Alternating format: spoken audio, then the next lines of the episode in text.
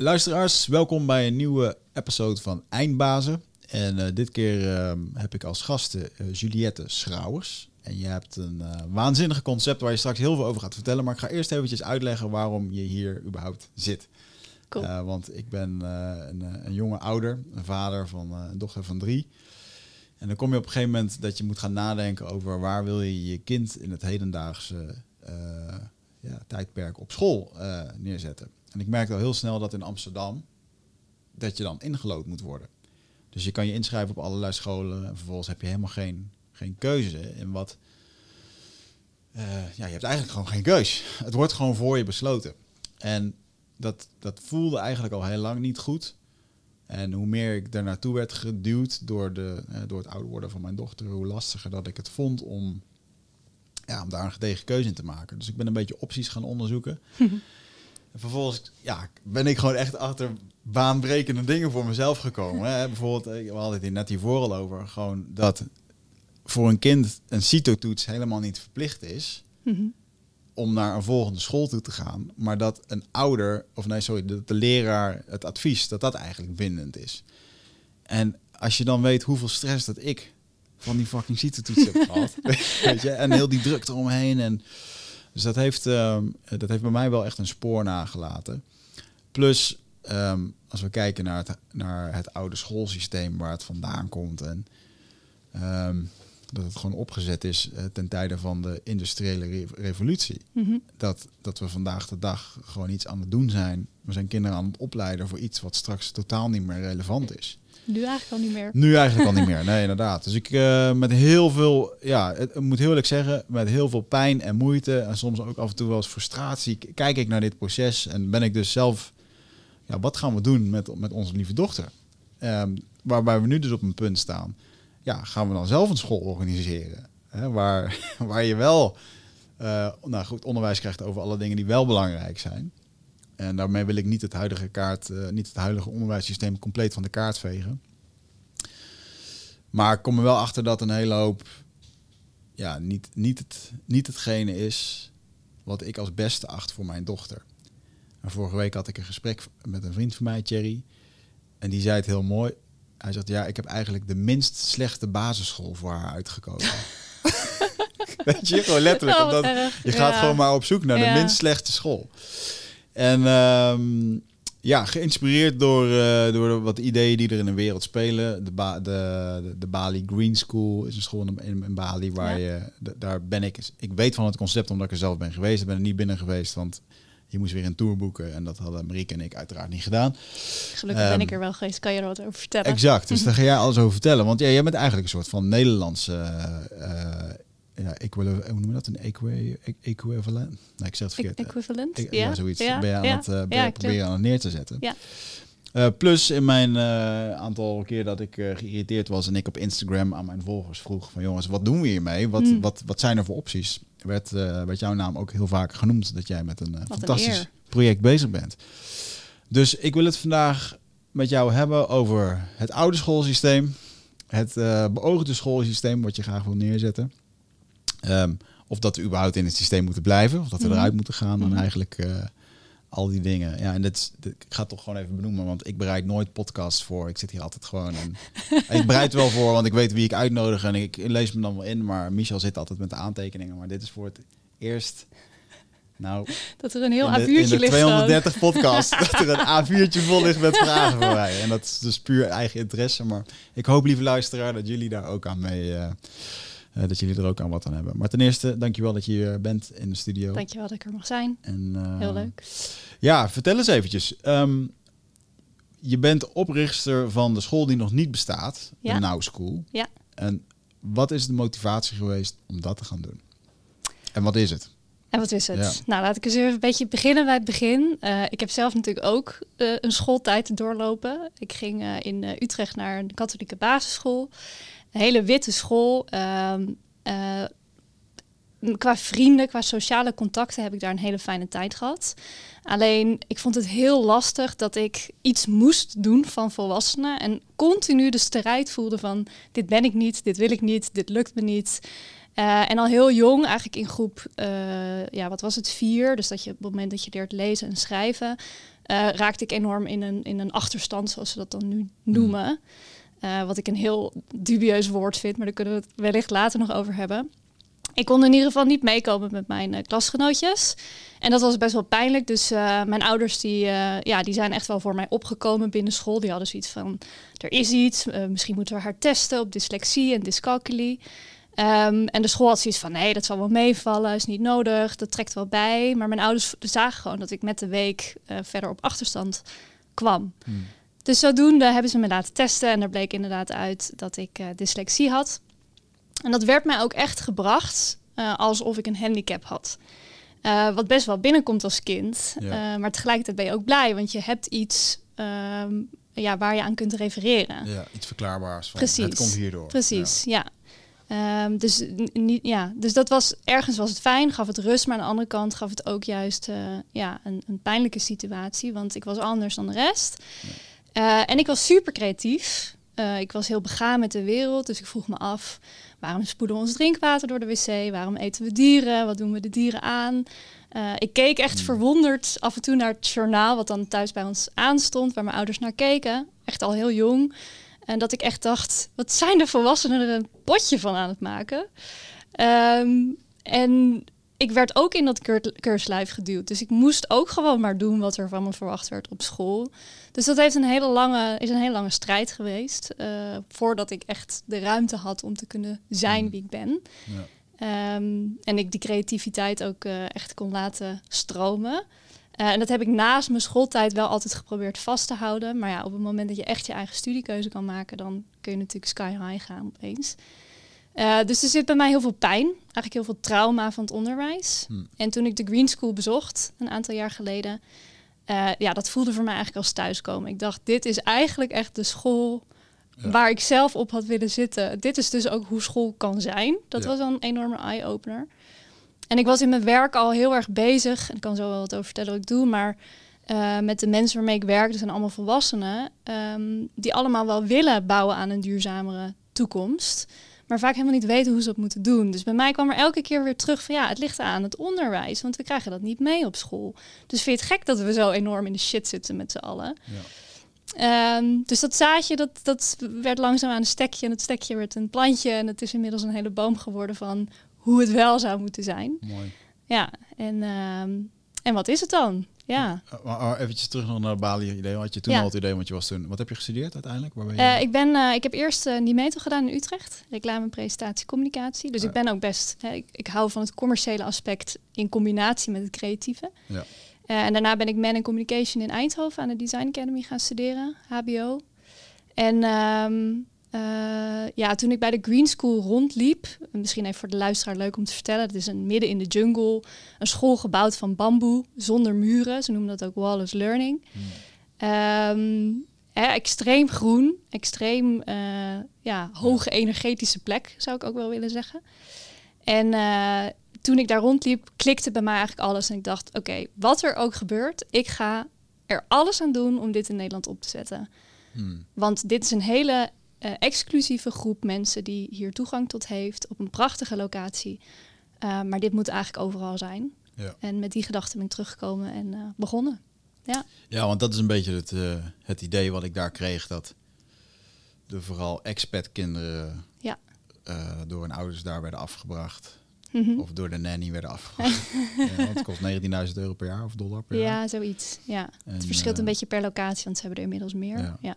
En, en dat is uiteindelijk ook wel een ding waar ik achter ben gekomen. Dat op de manier zoals ik het zou willen organiseren, uh, heb je wel gewoon geld nodig om het uh, te gaan doen. Klopt. Dan is er meer nodig dan een leuke plek en uh, ja, geen Galalala. muren, dat kan je overal. Maar hè, gewoon echt een programma en een, en een idee. Maar goed, ik, ik zal proberen minder te praten hierin. Nee, um, leuk. Ik het, het, hoor ook graag jouw mening. Ik, ik, nou, over, hoe bedoel je? Over het opzetten van het school. Absoluut, nou, ja. Van, nou ja, waar ik achter ben gekomen is dat, oké, um, de locatie, dat lijkt me dan zelf nog misschien niet enerzijds is het heel erg belangrijk omdat het een soort van veilige thuishaven geeft. Mhm. Anderzijds kost een locatie gewoon geld. Ja. Ehm, en waar ik in Nederland tegenaan loop, ja, als ik mijn eigen school wil oprichten, dan en ik wil dat, ik wil er een officiële school van maken, dan betekent dat dat ik ook aan allerlei juridische dingen moet gaan voldoen. Bedoel je dan reguliere school of privé? Als ik een regu- oh, nou, misschien vertel je nu alweer iets wat ik niet weet. Maar. Ik had voor mezelf bedacht dat als ik zelf een school wil op, eh, opstarten in Nederland, eh, waarbij ik wil voldoen aan ja, dat het een officiële school is, Ja. ehm, dan moet het gebouw ook aan allerlei dingen voldoen. Mhm. Ja. En veiligheid en dingen. Ja. De andere optie is, en die is meer wiggerd, ehm, is om eh, mijn dochter uit te schrijven van de leerplicht. Mhm. En vervolgens eh, les te gaan geven in een gebouw waar geen inspectie langskomt, maar Mhm. gewoon waar wij gewoon ons ding doen. Ja. Ik bedoel, Het unschoolen bedoel je dan, toch? ja, ik. weet niet of men, ja, men, dat noemt zijn men op dit moment eh zo, maar- unschooling. Ja. Ja, dus Ja. Dat, maar, ik zou, maar eigenlijk zou ik dus wel een soort school willen doen. Alleen ja, al die regelgevers en ding, dat is, dat is voor mij ook veel te ingewikkeld. En ik, ik heb niet de missie die, die jij hebt. Mhm. Ehm, dus als die kleine straks bij, mij, bij jou op school zou kunnen komen, zou dat een hele, eh, hele mooie optie zijn. Ja, dat gaan we vast regelen. Maar voorals, vooralsnog hier geregeld. nee, ja, als je dit ooit ziet. zie Bij deze is het geregeld. Maar ehm, wat, wat ik een hele interessante vind, is dat ik eh, voornamelijk nu op vrijdagmiddag heb bijvoorbeeld een, een, een schooling groepje hier in Amsterdam. Met ouders die er ook zo over denken, die Mm. hebben al kinderen twee tot drie jaar. Maar op een gegeven moment moeten ze toch, de leerplicht is vanaf vijf jaar moeten ze naar school. Ja. Of je Eh. schrijft ze in, of je schrijft ze niet in. Exact. Ja. En nu ben ik al van mening dat als je Europees gezien kijkt, ik geloof dat in Noorwegen pas kinderen met zes naar school gaan. En hè, er zijn allemaal variaties in. En denk Mhm. ik, ja, ik vind het best wel. Eh, ik heb heel veel genoten van de opvoeding met mijn dochter. En, en alle momenten die erbij kwamen. En het vele samen zijn. Ook een bewuste keus. Gelukkig kan ik dat ook combineren met het ondernemerschap. Ehm, maar daaruit kwam ook, eh, ook vanuit het ondernemerschap kwam dan het idee, oké, maar stel nu dat we ze uitschrijven van de leerplicht, dan gaan we eigenlijk aan heel dat systeem voorbij. En stel dat ik nu ergens een leuke boerderij ergens huur, waar dan 10 of 15 kinderen komen, met allemaal progressieve ouders die er ook op die manier in staan. Mhm. Maar goed, dan kost het alweer snel geld. En ehm, dan merk ik ook dat er een hele grote groep is van de unschooling ouders, ja, die dat geld niet paraat heeft. Nee.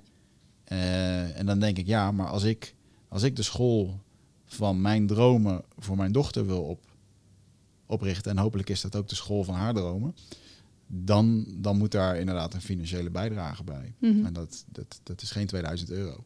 Nee. Dus ehm, ja, daar zit ik nu een beetje in. Ja.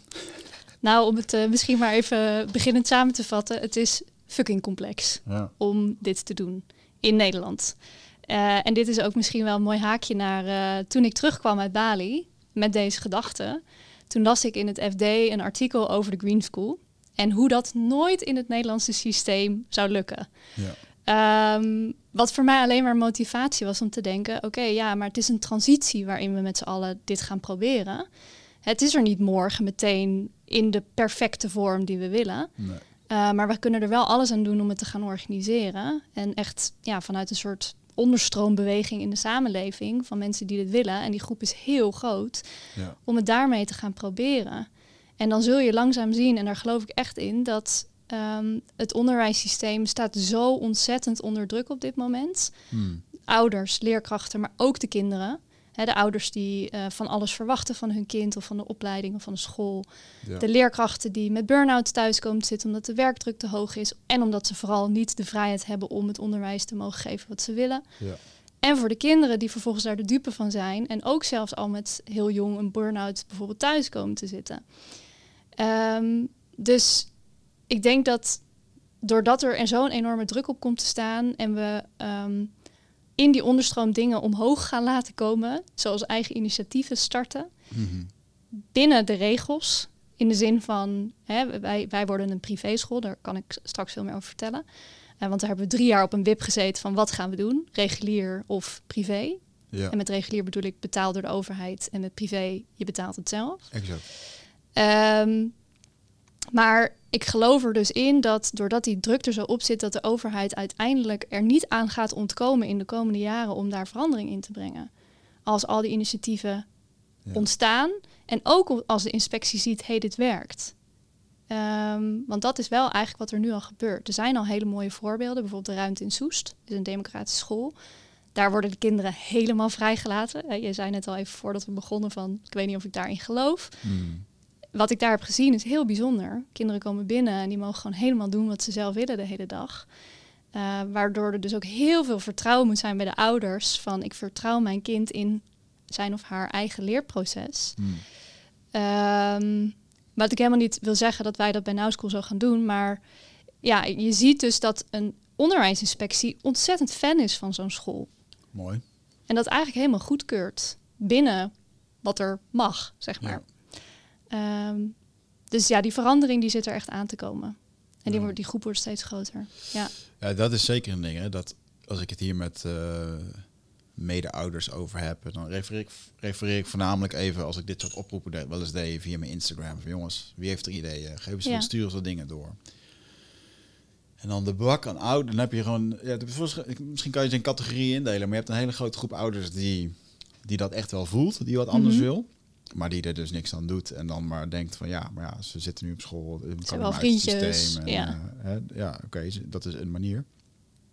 Dan heb je de hele radicalen die eh, uit het systeem, uit dit, uit dat. En dat vind ik ook een hele gevaarlijke. Want Mhm. ik denk wel dat er een. een eh, ik ben het ook niet eens met hoe dat dingen nu geregeld zijn. Maar ik ben me wel van bewust, het is wel de realiteit waarin we leven. En, Mhm. en ik denk dat je daarin een bepaalde middenmaat moet gaan vinden om, om iets te laten slagen. Ja. En je hebt de hele grote groep die, die wel wil, maar niet weet hoe. Ja. En, en ja, wat je zegt, eh, je hebt veel onderzoek gedaan. Ik doe er zelf ook mijn onderzoek naar. En ik bedoel, de reden dat ik deze vraag heb opgeschreven is omdat ik samen met mijn vriendin had besloten. Heeft zij ze ook opgeschreven? Nou, we hebben Samen? ze samen gemaakt. Nou, wat goed. Omdat Leuk. we hadden op een gegeven moment een, eh, op onze date night hadden we gepland om het hierover te hebben. Want we kwamen er een maand voor achter van ja, wat willen we nou met school? En er kwam eigenlijk een beetje een frustratie van. We weten niet helemaal wat we willen, omdat we de opties niet weten. We Hmm. zijn gewoon niet goed hierover onderwezen. En, en de informatie vergaren is gewoon heel erg lastig. Want Klopt. je, het zijn zoveel verschillende websites en dingetjes en iedereen roept wat. Dus eh, toen hebben we op een gegeven moment gewoon eh, gedacht, weet je, we gaan gewoon de vragen opstellen en die gaan we gewoon uit, eh, uitzoeken. Daar ben jij gewoon een onderdeel van. Ben onderdeel van jullie learning bent- process. Ja, absoluut, absoluut. Ja, van onze oriëntatie Ja. van wat er allemaal mogelijk is. Ja. En, Mooi. en, ik, en, ik, en ik hoop ook echt dat we die hele grote groep die dus wel wil, maar nog niet helemaal weet hoe, dat we die ook hiermee kunnen inspireren om wat, wat dingen voor jezelf te moeten gaan doen. Ja. Want een van de dingen waar ik, ehm, ja, wat het dan heel erg complex maakt, is eh, de locatie. Ja, Ik bedoel, goed Soest, leuk, maar daar ga ik niet naartoe. Ja. Weet je? Ja. En, ehm, Maar überhaupt een locatie vinden waar je een school mag beginnen. ja. Ehm, misschien is het wel goed om even te benoemen. En waarom wij zo lang ook op die WIP hebben gezeten. Van, hè, gaan we nou voor regulier, waardoor het heel inclusief wordt en iedereen de toegang tot krijgt. Mhm. Of eh, gaan we voor onze moonshot, wat absoluut niet ehm, eh, een perfecte school zou worden. Want het zal altijd imperfect blijven. We zullen altijd een onderneming zijn ten opzichte van een school. eh, en proberen te blijven ontwikkelen, zodat het past bij wat het kind nodig heeft en wat de wereld nodig heeft. En daar de verbinding tussen maken. Eh, maar waar het eigenlijk al bij begint, is als je een reguliere school wil starten, is dat je zelf geen locatie mag kiezen. Oh. Ehm, dus de, de gemeen, de, er spelen meerdere factoren. Er zijn namelijk al scholen. Dus het kan zijn eh, dat de gemeente een locatie voor je heeft. Dat is het best case scenario. Dat ze zeggen, oké, we hebben een gebouw, er zit een maatschappelijke bestemming op. Daar mag je de school beginnen. Mhm. Ehm, maar dan kijken ze wel naar allerlei factoren. Bijvoorbeeld wat voor andere scholen zijn er in de regio. Eh, welke eh, geloven worden daar zeg maar gepraktiseerd? Heb je een, een, een islamitische school en een katholieke school? Moet daar dan een, een openbare school bij? Dus ze kijken ook heel erg naar de balans. Eh, zodat er een gemixt aanbod is. En ehm, eh, dan kan het ook nog zo zijn dat omliggende scholen eigenlijk zoiets hebben van ja, eh, hallo, dit willen wij helemaal niet. Want dan cannibaliseer je onze school. Ehm, dus, dus er is een optie voor scholen dat ze daar bijvoorbeeld voor kunnen gaan liggen. Wat eigenlijk het hele ondernemerschap, wat je juist wil, denk Ja. ik, binnen een school, al meteen lam legt. Ja. Dus ehm, nou, op het moment dat we daar achter kwamen en nog een aantal andere dingen, hebben we echt gezegd: oké, we moeten gewoon ervoor gaan wat ons ultieme droomscenario is. En misschien duurt dat nog vijf of tien of twintig jaar om dat te bouwen. Uh, maar dan weten we in ieder geval waar we naartoe werken. En dan kunnen we ook veel gerichter gaan zoeken naar een plek die wel past. Ja. Um, want wij willen niet in een betonnen gebouw. We willen op een hele groene, inspirerende, natuurlijke plek. Ja. Um, en wij zien niet uh, de school als een, een, klaslokaal, maar we zien de wereld als ons klaslokaal. Ja. Dus het onderwijs zou ook niet alleen plaatsvinden binnen dat groene stukje, maar uh, we zullen ook uh, naar andere plekken toe gaan Ja. en leren. Ja. Ja, dat was grappig toen ik jou belde. Dat was echt een hele mooie eh, soort van eh, nou, synchroniteit. Dat ik op een gegeven moment dacht, want ik was gewoon gebouwen aan het zoeken die ik kon huren. We ook gedaan. ga ik gewoon huren en dan ga ik gewoon, weet je. We gaan beginnen. Ja. En ehm, dat, eh, dat ik op een gegeven moment dacht, ja, maar zo'n zo'n Amerikaanse schoolbus, om dat gewoon te huren. En dan gewoon een soort route door Amsterdam, dat je gewoon, s ochtends haalt hij al de kiddo's op. En dan Mhm. ga je gewoon ergens heen en gewoon de wereld, ja, de wereld als klaslokaal. En Ja. toevallig was, de, was dat het eerste, wat jij zei aan de telefoon, van nou, dat was het eerste concept van, eh van Ja, Now ja, klopt. Een, een schoolbus. ja, dat zit er eigenlijk nog steeds in. Eh, dus we zijn begonnen in onze eerste Now School dag in een bus. Mhm. Eh, in Utrecht hadden we die staan. En ehm, het idee is inderdaad dat een groot deel van het onderwijs binnen de Now School Week, zeg maar, ook buiten de deur dus plaatsvindt. Ehm, ik geloof heel erg dat onze leerkrachten van vandaag eigenlijk de mensen zijn die dingen hebben doorleefd. En niet per se mensen die snappen hoe je voor een klas moet staan volgens de pedagogiek. Mm. Uh, maar mensen die uh, ondernemend zijn, die uh, changemakers zijn, die begrijpen wat er moet gebeuren om een duurzamere toekomst met elkaar te creëren. Ja. Dat zijn veel inspirerende leerkrachten, um, ook omdat ze het vanuit een bepaalde passie doen. Ja. En purpose. Uh, dus ja, laten we naar die zeewierboer gaan. Laten we naar Dopper gaan. Laten we naar de Tony Chocoloni gaan. Weet je, we willen leren Ja. van dat soort partijen. Ja. Hoe we als kind zelf ook kunnen ondernemen. Ja. Dus uh, de schoolbus, uh, ja, die, die zit nog steeds in ons concept verweven. Mhm. Ja. Hij is alleen niet zo duurzaam. Daar moeten we nog even wat aan doen. Ja, en mijn, mijn partner zei misschien ook wel terecht dat, dat als je iedere dag, als de schoolbus zeg maar je lokaal is en je rijdt iedere dag ergens anders, dan geeft dat ook wel heel erg veel onrust. Of Klopt. een soort van. Uh, dus Ja, ja, dat- kinderen hebben ook een basis nodig. Ja. Hè, waar ze weten, elke dag kom ik daar aan. Daar hebben we de opening van de dag met elkaar als hele community. Mm, Uh, dat is mijn fundament. Het is goed om ge- gegrond te zijn als community op een plek. Waar je je tas kunt achterlaten, waar je Ja. weet, daar hangt mijn jas. En dat je dan de rest van de dag weg bent, maar weet, daar komen we altijd terug. Of kunnen we terugkomen, dat is voor een kind heel belangrijk. ja, mooi. Ja, een uh, super mooi concept, maar eigenlijk dan ja, de hamvraag: waarom is het er nog niet? Ja. Ehm, ik denk meerdere redenen. Uh, ik ben echt, denk ik, in mijn DNA een ondernemer. Ehm, maar ik doe dit vrijwillig naast mijn bedrijf. En daar speelt geld natuurlijk een hele belangrijke rol, wat jij net ook al zei. Mm, Uh, ik denk dat als we um, meer geld zouden hebben om als team te bouwen, uh, dan zouden we veel harder kunnen gaan. ja. Uh, maar we doen dit nu allemaal met mensen die dit heel graag willen. En het team wisselt ook af en toe. Dus dan vallen er mensen af, komen er nieuwe mensen bij. Um, en dat vind ik ook wel het hele interessante aan dit concept. Voor mij voelt dit ook als een heel nauw, alsof ik zelf op Now School zit. Mm, Uh, toen ik hiermee begon, had ik geen idee. Ik wist alleen, ik wil het onderwijs in Nederland veranderen. ja. Ik wil Now School, of toen nog Green School, opzetten. En um, inmiddels ben ik drie jaar verder, heb ik veel en veel meer kennis opgedaan. En weet ik dus ook wat de complexiteit is om binnen het systeem zoiets op te zetten. Ja. Dus de factor team, tijd, uh, geld en um, ja, de, de beperkende of nou, uitdagingen binnen het systeem. Ja. Uh, die zorgen ervoor dat het, um, dat het even duurt. Ja. En dan heb je ook nog de locatie, want die wil je natuurlijk geregeld krijgen. Nou, je zei het net al, je kunt het gebouwtje huren en uh, gaan beginnen. Maar de realiteit is dat dat iets minder makkelijk is dan dat we zouden willen. Ja. ja, als je het regulier doet. Als het regulier doet, ja. En, maar ook je- als je het privé doet. Dan je- moet je ook een maatschappelijke bestemming op Ja. de locatie hebben. Ja, exact. Dus wij wilden bijvoorbeeld een stuk uh, grond kopen. Dat hadden we ook even een, st- een, stapje misschien naar de inclusiviteit. Want ik vertelde net, we gaan als privéschool starten. Mm -hmm. Dat willen we eigenlijk liever niet. Maar we ontkomen er niet aan als we onze droom uh, willen realiseren. Hm. Maar uiteindelijk willen we wel ook een inclusieve community hebben. Dus we hadden bedacht, we gaan een heel groot stuk akkerland kopen. Of een oude boomgaard. Die gaan we helemaal regenereren volgens de permacultuurprincipes.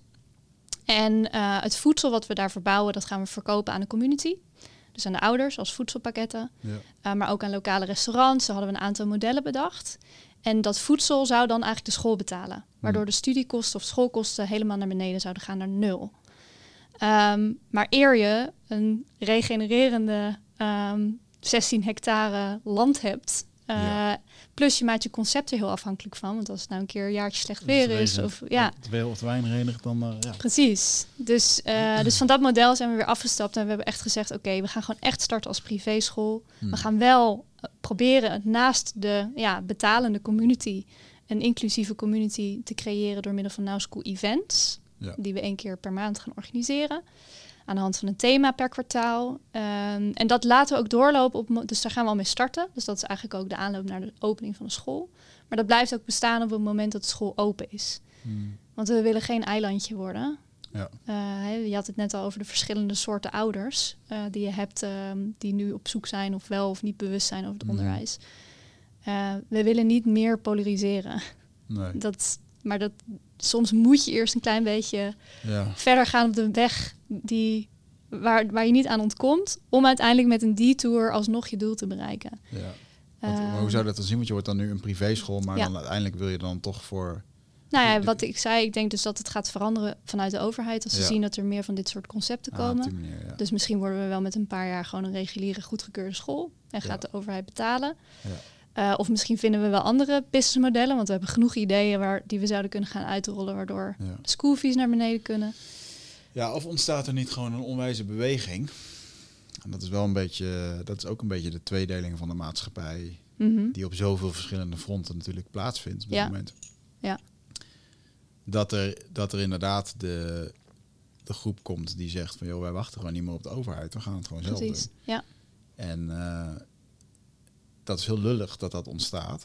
En dan is er uiteindelijk natuurlijk, eh, wat heeft de langste adem of wat, Mhm. wat floreert. Of, want ja, resultaten eh, en cijfers liegen niet. Maar als je nu kijkt hoeveel mensen er met een burn-out rondlopen in Nederland. Of dat we 1 miljoen mensen aan de antidepressiva hebben. Met alle respect voor de mensen die dat hebben. Want Ja. hè, ehm, daar, daar wordt ook verteld dat ze dat nodig hebben. Of die voelen dat ze dat nodig hebben. Of... Maar 1 miljoen, dat is gewoon 1 op de 17. Dat vind ik echt heel veel. ja, ik denk dat dit allemaal voortkomt uit het onderwijs. Ja, Al, 100%. alle problemen waar wij als volwassenen tegenaan lopen en de groeiende, ik noem het maar even wellness-industrie voor de volwassen mens, Mhm. eh, is, komt allemaal voort uit hoe wij eh, hebben geleerd. Ja. Dus niet wat we hebben geleerd, maar hoe we hebben geleerd, denk ik. Ik zoek eventjes ondertussen ook even, de- wat hebben we de Nederlandse burn-out cijfers? Ah, daar ben ik ook wel benieuwd naar, maar dat is heel schrikbarend hoog. Jaarlijks ervaart 17% van de beroepsbevolking in Nederland burn-out klachten. Wauw. En de huidige werkzame beroepsbevolking bestaat uit 8,3 miljoen mensen. Dit betekent dat 1,3 miljoen mensen te maken hebben met burn-out gerelateerde klachten. Dat is best veel. Dat is echt heel veel. En als je dan nagaat dat er ook al kinderen zijn die dit hebben, Ja, dan streven we wel af naar een soort burn-out maatschappij ja, met z'n allen. ja. Want het voelt ook niet alsof we het rustiger krijgen of chiller aan kunnen doen of Nee. minder werkdruk hebben. Het voelt eigenlijk alsof er alsmaar bij komt. ja. Tenminste, ik weet niet hoe dat voor jou voelt, maar Eh, je moet er heel bewust van zijn. Wil je, Ja. dat, wil je daar niet in meegaan? nou, ik ben natuurlijk ik ben ondernemer en je wordt ondernemer voor vrijheid. Ja. Maar soms merk ik ook wel eens dat ik gevangen zit in mijn eigen bouwsel. Mhm. Maar wat ik wel zie, en dat is echt een observatie die, eh, waar ik me wel zorgen over maak, is dat hoe het schoolsysteem is opgericht en waar je voorop wordt geleid, gaat de komende jaren gewoon totaal vervagen. Artificial intelligence, noem het allemaal maar op. Ik bedoel, over tien jaar dan zit je tegenover een, robotcoach die jouw temperatuur ziet, die, als je daar, die jou een vraag stelt en als jij daarop reageert en je liegt of je probeert iets te doen, die kan jou veel beter coachen dan een normale life coach. Mhm. En ik denk, ik geloof niet dat dat. ehm, eh, het zal nooit de menselijke verbinding kunnen inhalen. Maar ik zie wel dat bijvoorbeeld eh, eh, van de week. ehm, eh, Amazon, die heeft nu in zijn app voor medewerkers iets ingebouwd. Dat ze daar eh, een berichtje krijgen dat hun contract beëindigd wordt. Dat is makkelijker. Hoeven ze niet meer geen face-to-face gesprek te doen. Oké. Dus heel de menselijkheid hè, wordt eruit gehaald. Je kan gewoon in één keer een app krijgen en dan hey. Je eh, baan eh, wordt opgezet. Ja. Wauw, oké. dus ehm, dan denk ik, wauw, als er dus dit soort bedrijven zijn die, die dit soort dingen uit efficiëntie doorvoeren. Ja. Want daar gaat het natuurlijk om. En dat is artificial intelligence ook. Hè? En, en, en ik denk dat als je nu in, Japan zag ik laatst een, een dam van drie kilometer lang, 500 meter hoog, die is compleet gebouwd door robots. Dus en het gaat alleen maar erger worden. Dus ik denk al die dingen waar wij voorop worden geleid, die, die zijn er straks niet meer. Ehm, en zeker als je dan ook nog eens een keertje wordt opgeleid voor iets wat je niet leuk vindt. Mhm. Ja. Ik, ik bedoel, en zo'n voorbeeld, hè, dat ik, we hadden het in de vorige podcast er ook over. Toen ik op de basisschool zat, wilde ik eigenlijk alleen maar acteur worden en eh Arnold Schwarzenegger. Dat vond ik toen heel Nou, is goed gelukt. Ja, ja op, de, op, op, vijf, op 50 kilo na. Maar ehm, het, het, de acteurs, het, het verhaal werd gewoon van ja, maar je kan niet naar de. Als je naar de acteerschool wil, dan moet je HAVO doen. Nou, ik ging naar de MAVO. Dus die Mm. droom viel al weg. Ja. Vervolgens zat ik op de MAVO. En ik weet nog dat ik daar met mijn blokbeugel zat. En op mijn dertiende in één keer. Ja, jullie moeten nu vakken kiezen. Dat kwam voor mij echt als een soort van eh, ook, eh, vakken kiezen. En toen heb ik gekozen wat Mag ik nu vond. opeens zelf iets kiezen na al die jaren dat ik niks mocht kiezen? Ja, en dan en weet je, maar natuurlijk mijn moeder die dan zei van ja, maar je moet dit doen. Nou, ik was slecht in rekenen. Of tenminste, ik denk dat ik rekenen gewoon nooit goed heb aangeleerd. Mm. Of dat het niet verteld werd op een interessante manier. Hoe we leren, dat is belangrijk. Hoe we leren, ja. En, ehm, en, en, en op een gegeven moment heb ik gewoon een pretpakket gekozen waarmee ik ook niet meer zoveel naar een vervolgopleiding kan. De vervolgopleiding werd dan ook een mbo. Nou, gelukkig hield ik dan heel veel van sporten. Daar had je alleen Nederlands voor nodig op SEALS. Dus dat ben ik toen gaan doen. Ja. Maar toen ik daar zat, dacht ik wel van ja, maar ja, mbo is ook maar mbo, ook eigenlijk wel hbo. Dus toen ben ik marketing gaan doen, hbo. Dat vond ik dan wel leuk. Dus ik denk de eerste opleiding die ik echt heb gekozen, omdat ik het wel echt Vanuit wilde. intrinsieke motivatie. Want zelfs bij Ja. het SEALS, toen ik daar eh, de eerste drie weken al eh 40 uur per week eh, les stond te geven op hè, hoe, je sportles moet geven, toen had ik al bedacht, ik ga dit echt niet de rest van mijn leven doen. Nee. Ehm, en, en eigenlijk ging die HBO's me het makkelijkste afgegaan, terwijl ik daar eigenlijk relatief het meeste voor moest doen, voor mijn gevoel. Dus dat geeft heel erg aan van inderdaad, van, ja, wat vind je leuk, wat vind je belangrijk. Ja. En, Ja, al- dit is al dat natuurlijk- kiezen, joh, dat eh, ik kreeg alleen maar stress van, weet je wel. En nou, de hele en tijd. burn-out. En de hele tijd. ja, die kreeg ik dan later wel. Oké, oké, dat, daar heb je eh, ook eh, ondervonden. Ja, Ja. dat was al tijdens Ja. het ondernemerschap, maar ook, ook vanuit een. Ehm, maar goed, wie heeft je dan ooit onderwezen over het omgaan met je emoties of eh, ondernemerschap, Ja. weet je wel, aan zich of, eh, Ja. of het mentorschap, eh, of al die. Elk de basis wat in elk persoonlijk leiderschapsboek staat, dat krijgen we niet op het, op het onderwijs. En Klopt. dat denk ik absoluut dat dat me had kunnen redden. Ja. Nou ja, ja, dat denk ik ook. Ik denk dat in de essentie zijn kinderen al eh, connected. Alleen het onderwijssysteem dis disconnect eigenlijk met alles. Met zichzelf, met de Ja. natuur, met de verbinding mensen om zich heen. eh, ten behoeve van die economische groei. Ehm, hè, die voortkomt uit de industriële revolutie, wat jij ook aan het begin al zei. dus we streven nog steeds af naar Hmm. meer, meer, meer. En je ziet dat die houdbaarheid op de aarde ook iets doet. Want de gemiddelde Nederlander gebruikt op dit moment 3,3 aarde. En we streven af in 2050 naar vijf aardes. Ah, op die manier, ja. Ja, Ja, ja, dus dat, we leven ver buiten de draagkracht van de aarde. ja. En dat is ook wat we kinderen leren. Om buiten die draagkracht van de aarde te leven, maar ook buiten de draagkracht van zichzelf. ja. Hè, je bent niet meer connected met jezelf. Je weet niet wie je bent, waarvoor je staat, ja. eh, wie je in de essentie eh, bent en wat je belangrijk vindt. En eh, je draagt bij aan het maatschappelijke belang, namelijk economische winst. Terwijl de sociale en ecologische winst helemaal niet wordt meegenomen. ja. Eh, dus dat is eigenlijk ook een van de redenen waarom wij de permacultuur zo interessant vinden. Omdat je daarmee eigenlijk een balans creëert tussen die drie, economisch, sociaal en ecologisch. Hmm. Ehm, waardoor je dus weer vanuit een connectie met alles om je heen, maar ook met je eigen binnenwereld, eh, kunt gaan leven. Ja. En als je snapt waar je onderdeel van bent, namelijk alles, Ja. dan ga je daar ook voor zorgen. Ja. Ja, waar heel En dan krijg je dus ook geen burn-out. Nee, dat is de grap. Als ik naar mijn vrienden in de Amazone ga, dan eh, bestaan er geen burn-outs, geen depressies. Het woord depressie hadden ze niet eens een, eh, een, een woord voor in hun taal. Dat heb ik ze echt uit moeten leggen. Ja, en die mensen begrijpen, ervaren uiteindelijk echt wel dat als een, eh een olieboorplat, en hoe noemen ze een olie, eh, ik noem even geen namen, maar als, als, als een, een olieboor, als dat in de Ah, achtertuin ja, ja. gaan doen, dan ontregelt dat heel de natuur. En ga- gaan die mensen uiteindelijk, worden die ook depressief en Ja. ongelukkig. Maar van nature uit bestaat dat gewoon niet. Ja, bizar. Ja. En, en eh, dat je gewoon bepaalde dingen eh, ziet. Ik weet nog heel goed dat ik, als ik van de stad naar de Amazone vlieg, dan is de buitenkant van de Amazone is als een blad wat aangegeten wordt door een insect. Met Mhm. allemaal vierkantjes eruit, met Ja. tractoren en dingen. En dan zijn ze gewoon, ja, zijn dat aan het omkappen, weet Ja. je wel. Ik heeft heel veel indruk op me gemaakt. Ik dacht, als ik nou gewoon 12 jaar was en ik zou dit zien, dan, eh, Zou je misschien niet eens beter weten. dus ja. Dan denk je dat is normaal. Misschien wel. Nee, maar als het ook wordt uitgelegd, hè. Dat, ja, ja, eh, ja. Dat, dat, eh, Zeker met wat jij vertelde ook, dat je, dat je jong was en dat je heel erg aantrok over wat Ja. er gebeurt in de wereld. Ik denk dat kinderen dat veel Eh, en nu wordt eigenlijk aangeleerd om je misschien maar niet zoveel aan te trekken van wat er in de wereld gebeurt. Ik denk in een vorm ook gezond, want je kan je niet druk maken over iedere waterput die in Syrië geslagen moet worden. Dat is ook zo, maar gewoon voor, voor het algemene wereldbeeld en ja. Dat nou, het... wat, wat het lastig maakt, eigenlijk precies wat jij nu aanhaalt, is dat uh, doordat wij zo hebben geleefd al die tijd, krijgt de volgende generatie echt een gigantische verantwoordelijkheid. Ja. De vraag is eigenlijk, zijn we nu egoïstisch genoeg om onszelf te redden? En gaan we daar alles aan doen om dat te fixen? Ja. Ehm, maar die verantwoordelijkheid die wij hun in hun schoenen schuiven, ehm, dat doet hun wel pijn. En dat zie je ook, want er staan zoveel kinderen op mhm. die nu echt zeggen: volwassenen, het is genoeg. Dit kan niet meer. Ja. Ehm, terwijl dat komt eigenlijk niet vanuit de juiste motivatie. Want dat komt vanuit angst. Ja. Dat zij geen toekomst hebben. Doordat wij het verkloot hebben. Ehm, en, en je noemde het net ook heel mooi, hè, van dat, dat jij als ondernemer vrijheid heel belangrijk vindt. Dat is in mijn leven ook de pilaar, zeg maar.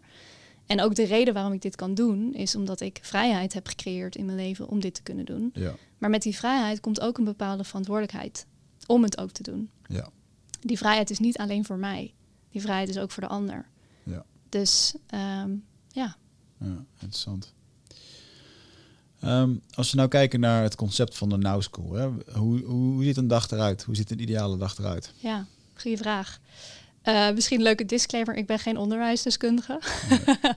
dus ik ben vooral de visiemaker achter Now School. Uh, anders hadden we die ook wel uitgenodigd. Ja, ja, ja, ja, ja, precies. Ja, ja, ja. Inmiddels weet ik wel heel veel en ik lees er ook heel veel over. En ik, ik denk dat dat ook iets is. Ik denk, het voelt voor mij soms een beetje alsof we kinderen, net zoals de bodem van de oceaan, nog nauwelijks begrijpen hè, wat een kind nou echt nodig heeft in, de, in de, het fundament. Hmm. Ehm, dus de, de dag op Now School zal in eerste instantie een soort trial and error worden. Want we weten het niet exact wat de perfecte schooldag is. We kunnen natuurlijk afkijken van concepten als de Green School Bali, maar ook de Real School in Budapest. Dat is ook hmm. weer een afgeleide van de Green School. Um, en ik denk dat we vooral de dag beginnen met elkaar. Ik ga maar gewoon proberen te schetsen. Dus als community samen de dag starten. Ehm, en daar horen bijvoorbeeld ook rituelen bij. Uh, waardoor een kind ook voelt, ik hoor ergens bij, ik word gedragen. Uh, ik kan mijn verhaal kwijt, uh, ik kan mijn emoties hier tonen. Um, dus een van de mooie rituelen die we langzaamaan al wel eens geïntroduceerd hebben, komt uit Hawaii. Hmm. En daar leren ze op kinderen op school te vertellen, is eigenlijk een verhaal. dat je als kind, als je geboren bent, een kom met licht bent. En dat je uh, langzaamaan in je leven steeds stenen in je kom stopt, waardoor dat licht minder kan schijnen. Hmm. En uh, dat zijn stenen van jaloezie of van haat of van frustratie. En langzaamaan dooft dus je licht. Alleen je hebt altijd de keuze om stenen uit je kom te gooien of die kom om te mieteren en al die stenen eruit te halen, waardoor je licht weer kan gaan schijnen. Ten alle tijden in je leven. En ik denk dat wij ook wel uh, heel erg vanuit een soort growth mindset willen proberen de, de dag te starten. Dus dat we hmm. echt zeggen, oké, we zijn zelf, uh, dragen wij met z'n allen bij aan de oplossingen en niet aan de problemen. Dat is wat we hier met elkaar bewust kiezen. Um, dan hebben we waarschijnlijk een gedeelte waarin we vooral naar buiten gaan en in de natuur gaan leren. Um, en we, we zullen een combinatie gaan zoeken tussen kindgestuurd onderwijs en aanbodgestuurd onderwijs. Hmm. Dus eigenlijk wat ik net vertelde, die school die helemaal vrij is, waar kinderen binnenkomen en gewoon de hele dag besluiten, oké, ik, heb, ik heb hier zin in, ik heb daar zin in. Ehm, dat zullen wij gaan combineren. Want we, we willen niet de kinderen dogmatisch opleiden, hmm. zoals een economisch systeem of regulier systeem dat nu doet. Maar we willen wel aan oplossingen werken met elkaar, zodat kinderen voorbereid zijn op dat ze zelf die oplossing kunnen zijn in de wereld. Ja. Uh, dus je wil ze wel inspireren en je wil ze wel voeden uh, op de plekken en manieren die ook voedend voor hun zijn. Ja. Um, dan gaan we waarschijnlijk met elkaar lunchen uit onze eigen permacultuurtuin. Uh, dat is wel een van de vereisten voor onze moonshot locatie, dat wij ook echt groenten kunnen verbouwen in samenwerking met de natuur. Ja. Omdat voedsel houdt ons in leven. Dus het is heel belangrijk, denk ik, om te snappen waar je voedsel vandaan komt.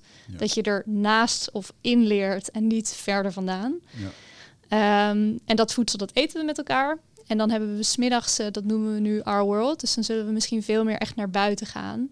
Uh, wat kunnen we bijdragen? Hoe kunnen we oplossingen bedenken? Het ondernemerschap. Um, en heel erg kinderen heel erg die eigen regie geven. Vanuit intrinsieke motivatie actie gaan ondernemen op dingen die ze belangrijk vinden. Ja. Uh, en dan sluiten we de dag uiteindelijk weer met elkaar af als community. Ja. Vet. Ik wil weer terug naar school als ik dat hoor. Ja, hè? ik ook. dat was ook een van de dingen dat ik toen ik bij Green School was, dat ik echt baalde dat ik niet vier jaar was naar, naar school kon. Ja. ja. Maar goed, het voelt wel als mijn eigen hele ja, Green School proces. Mooi. Ja. En, en um, heb je dan alle leeftijden die door elkaar heen zitten? Is dat, is een goede vraag. Dat is ook een, dat is wereldwijd. Ik noem maar eventjes wat schoolsystemen, dingen die ik dan hoor dat. Ja. Kom maar op. Volgens mij in Zweden is dat ook wel uh, dat het wat meer gemixt is. Juist mm -hmm. omdat kinderen dan jong en oud veel van elkaar leren. En, uh, ja. Ja, ja. Waar, ja, waar wij in eerste instantie mee willen gaan starten, uh, ook op advies van mensen die er heel veel ervaring mee hebben, is om een soort van groepen, leeftijdsgroepen te creëren. Mm. Dus niet je, je zit in groep drie en je bent zo oud, maar meer we, een groep van vier tot en met zes bijvoorbeeld.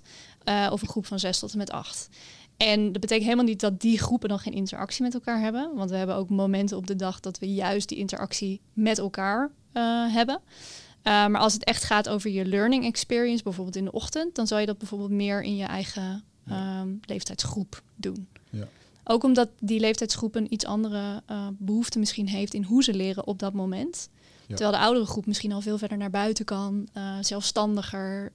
ja ja, zonder begeleiding dorp in kan lopen, bij wijze van spreken. Ja, duidelijk. Ja. ja dan houdt het elkaar, zou het elkaar op den duur zelfs een beetje ophouden als je met veel mensen bent.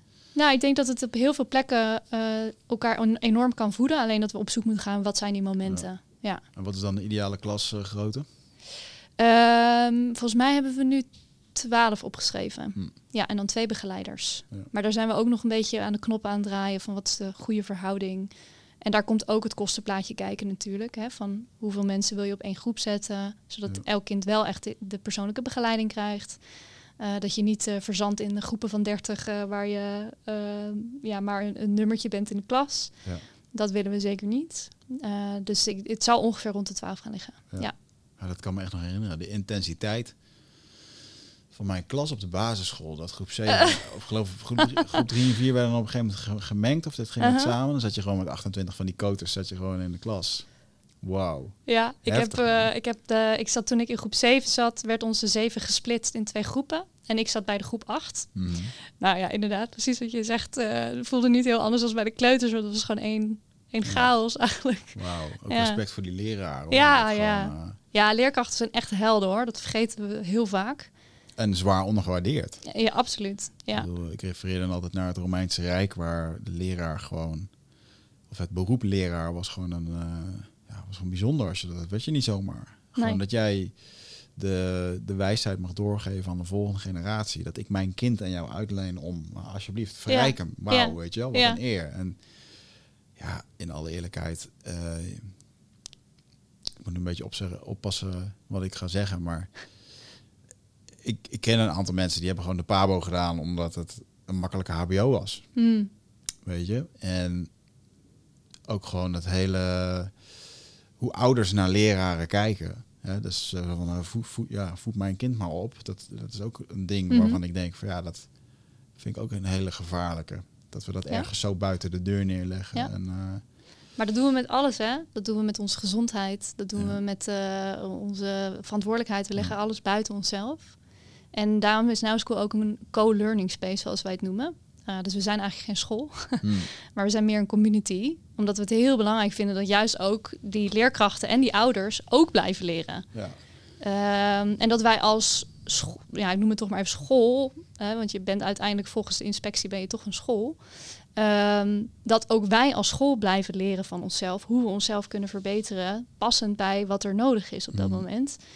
En um, en daarom denk ik ook dat nou school geen plek is. Je moet niet als ouder bij ons komen, s morgens je kind bij ons droppen, uitbesteden eigenlijk. Ja.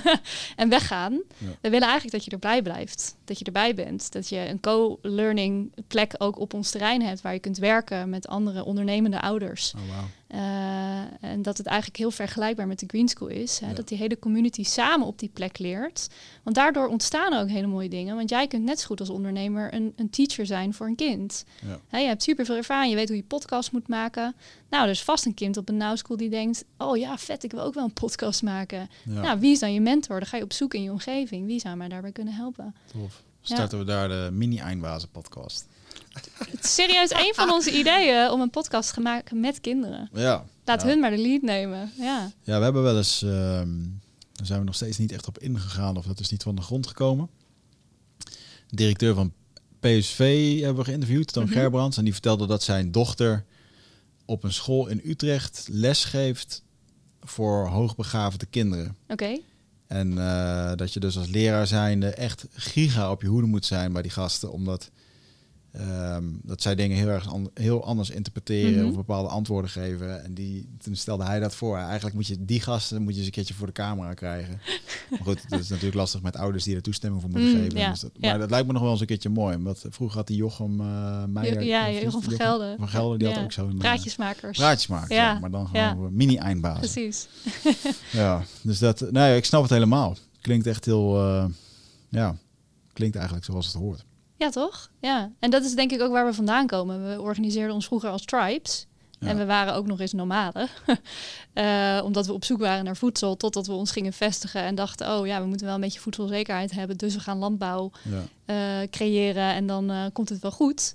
ja, dus we zijn ook heel ver af komen staan van wat onze oer is. ja, Dus we willen juist eigenlijk, en dat zijn denk ik ook, dat vind ik ook het mooie aan moderne tribes, is dat je ze zelf kunt vormgeven aan de hand van een visie of een idee. Eh, in plaats van dat het met religie te maken heeft of de familie waarin je wordt geboren. Je Mm. kiest bewust, ik wil onderdeel worden van deze tribe, ja. omdat ik erin geloof. ja en dan, dan heb je ook veel meer eigenaarschap. Dan Ja. ga je er ook naar leven. Ja, ik moet altijd lachen als ik in de, in de jungle ben, dan, eh, dan lopen de kinderen er ook altijd hand in hand naar school toe. En Mooi. school is dan, je moet het gewoon zien als een paar hectare waar er allemaal gebouwtjes staan. En dan hebben ze ook een schoolgebouwtje, wat gewoon een gebouwtje is met een krijtbord en verder eigenlijk niks.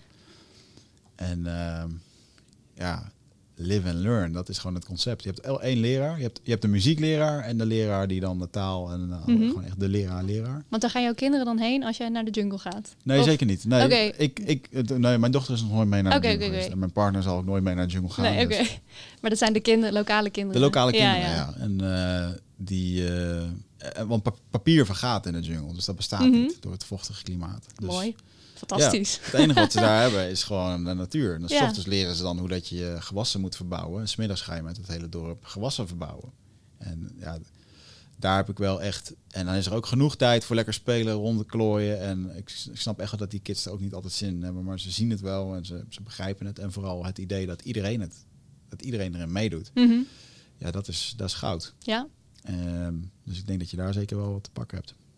Ja, en ik denk ook dat dat ook weer inhaakt op dat de volwassenen dus ook allerlei dingen niet op school hebben geleerd, wat ze misschien nu nog wel willen. Ja. Ehm, dus die moeten er gewoon bij zijn. Die Ja. horen erbij. Ja, zeker. Ja, ja. Nou, en dat is ook die verbinding tussen ouder en kind. Mhm. Ja, ik zie nu gewoon.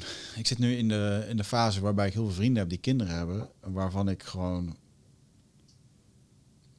Bij sommigen moet ik zelfs oppassen om dit te zeggen. Van dat ik het gewoon heel lastig vind om te begrijpen dat, dat je je auto niet zomaar uitleent aan iemand. Hè, dus jij nu tegen mij zegt van joh, weer het je auto? Nou ja, nou ja, ken je niet? Nee.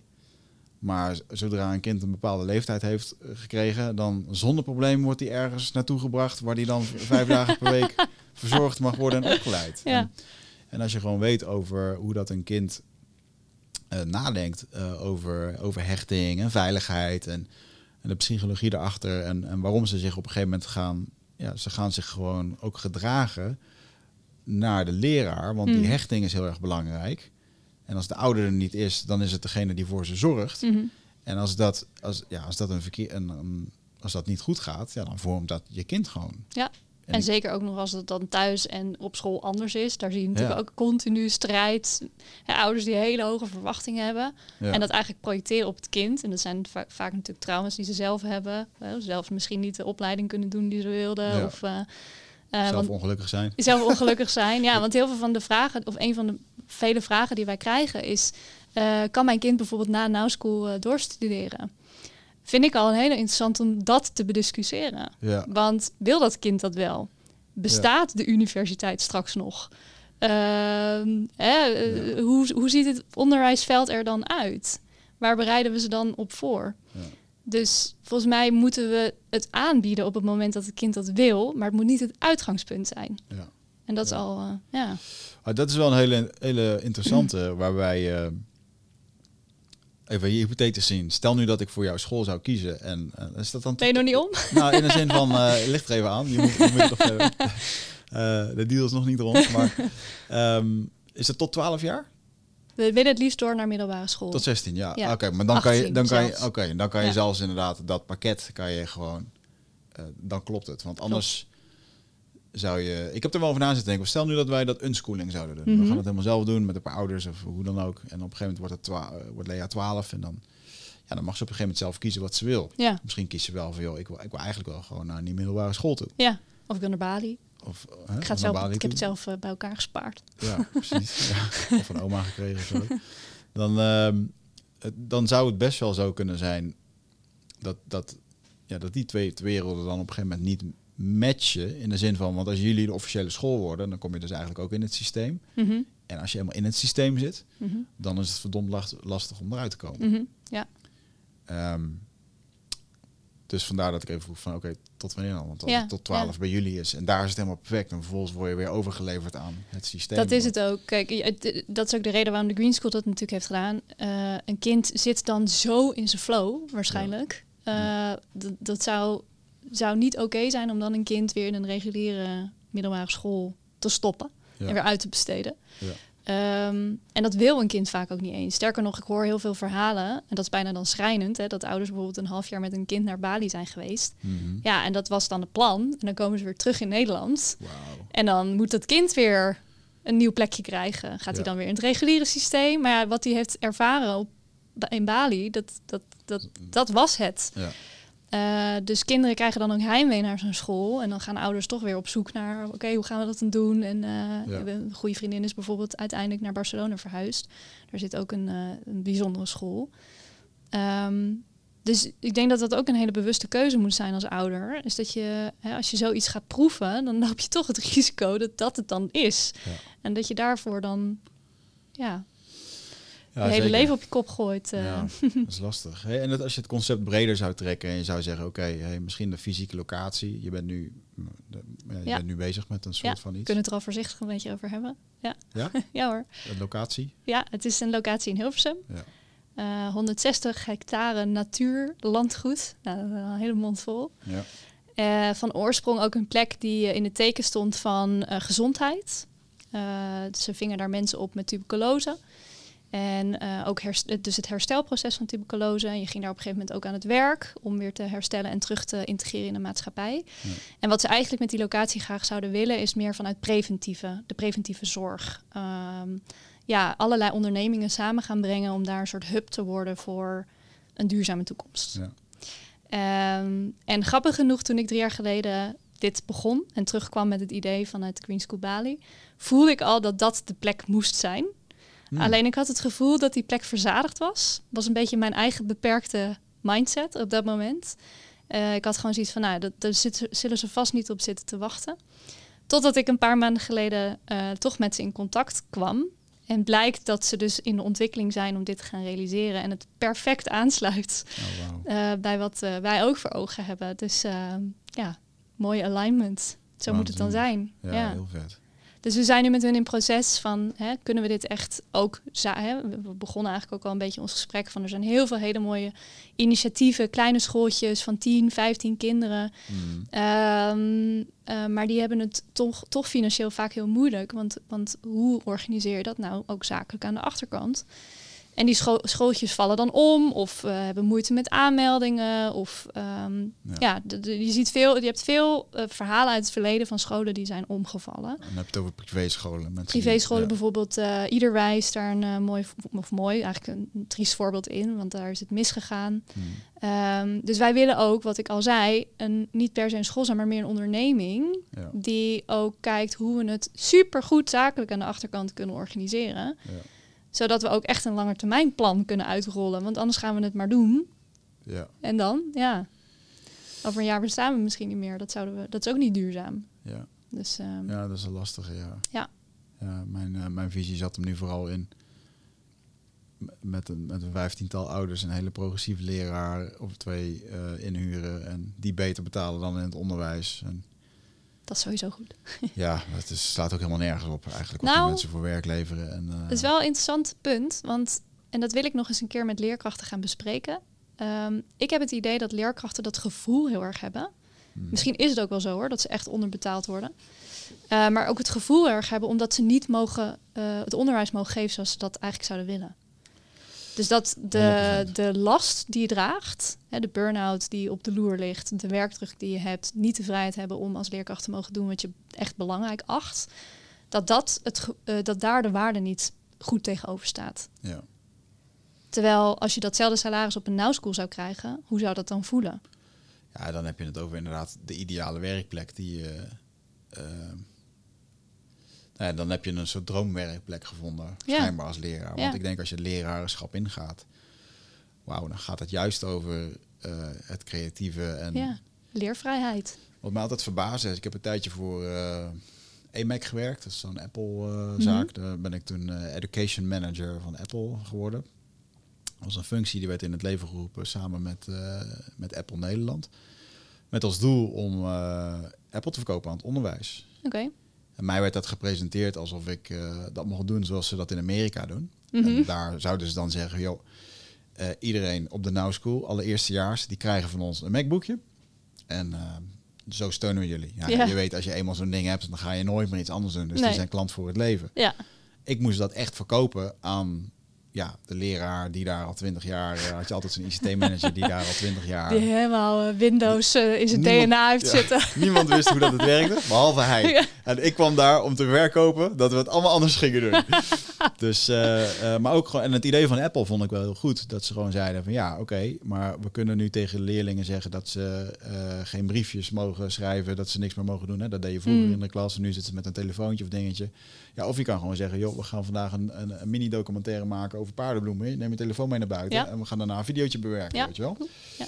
En, en merkte dus ook dat er heel veel de jonge leraren vonden dat tof, maar degene die toch wat ouder waren, die deden me ook heel erg denken aan de leraren die ik vroeger had, vooral op de middelbare school, die gewoon voor de zestiende keer dat ze dat deden, dat boek opensloegen en eh, met hoofdstuk 1 begonnen aan het begin van het schooljaar Ja. en met een grote zucht Gaan we weer. en eh, ondertussen een checkie zaten te draaien omdat ze zo meteen pauze hadden, weet je wel. Dat, dat, ja, dat vond ik wel een hele... eh, dat confronteerde me wel heel erg met het grijze gebied waar... Mm. Of de, ja, hoe zou ik het zeggen? De, het trage, grijze gebied waar het Nederlandse onderwijs mee te maken heeft. Nou, dit vind ik altijd een heel interessant punt, wat ik altijd maak als het hierover gaat. Wij verwachten van kinderen dat ze leren, maar Mhm. het onderwijssysteem is absoluut niet bereid om van zichzelf te leren. Ja. En dat vind ik zo'n enorme discrepantie. Daar gaat het wat mij betreft wel mis. Mm, Waarom blijven wij als onderwijssysteem niet zelf leren? ja. ja, dat is een hele rare... Fundamenteel, klein ding, wat zo'n grote impact heeft. Ja. Maar ja, dat heeft ook te maken met budgetten, denk ik. En, absoluut, absoluut. en, ja. en, en vaak als ik het hierover heb op mijn eh, sociale media, dan zijn er ook altijd leraren bij mijn inbox die, die zeggen dat het anders doen en dat er nu wel aandacht aan komt. Ja. Dus ik, ik geloof ook wel dat er verandering in Ja. komt.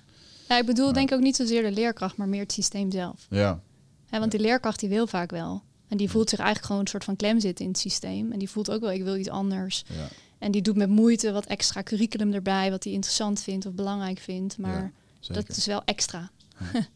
Wat, wat, wat, wat zie je voor, eh, als, je, als je het hebt over het kind wat centraal staat, hè? dan heb je Mhm. het over eh, structuur slash vrijheid. En daar hebben we het net al een beetje over gehad. Ik denk dat mijn dochter heel goed gaat aan vrijheid, maar wel binnen bepaalde kaders. Mhm. Ehm, terwijl je hebt ook, je hebt ook wel wat privéscholen, zag ik, waar echt wel best wel een strikt programma er, Mhm. erop staat. Is dat, wat is jullie visie over de balans van, van vrijheid en, en structuur? Ja, ik denk dat dat een beetje 50-50 zal zijn. Hè, wat ik net al zei, het kind gestuurd aanbod en eh, het onderwijs gestuurd aanbod. Dus vanuit de school. En dat we daar een goede balans in moeten vinden. Ik hoop dat dat een beetje 50-50 zal zijn, want dan is het balans. Ja. Eh, en wat ik wel interessant vind, wat je ook aanhaalt, is hè, het ene kind eh, wil heel gestructureerd leren, de andere is veel chaotischer en creatiever en vrijer. Ehm, eh, dat dat ook heel erg te maken heeft met hoe je leert. En dat hoe je leert weer te maken heeft met wie jij bent als persoon. Ja. Eh, dus dan komt eigenlijk heel erg het maatwerk. Eh, ik weet niet of je bekend bent met Ayurveda. Dat is de oude Ja, je riep het net toen ik Ja, thee, ja, toen je de eh, thee, eh, Ja, natuurlijk, ik ken het wel, maar Ja. verlicht me. Ja, ja, ja. maar de oude ja, levenswijsheid eigenlijk uit India. Mm. En ik heb me daar de afgelopen jaren heel veel in verdiept. En wat ik interessant vind, is dat je dus eigenlijk... We bestaan allemaal uit dezelfde materie.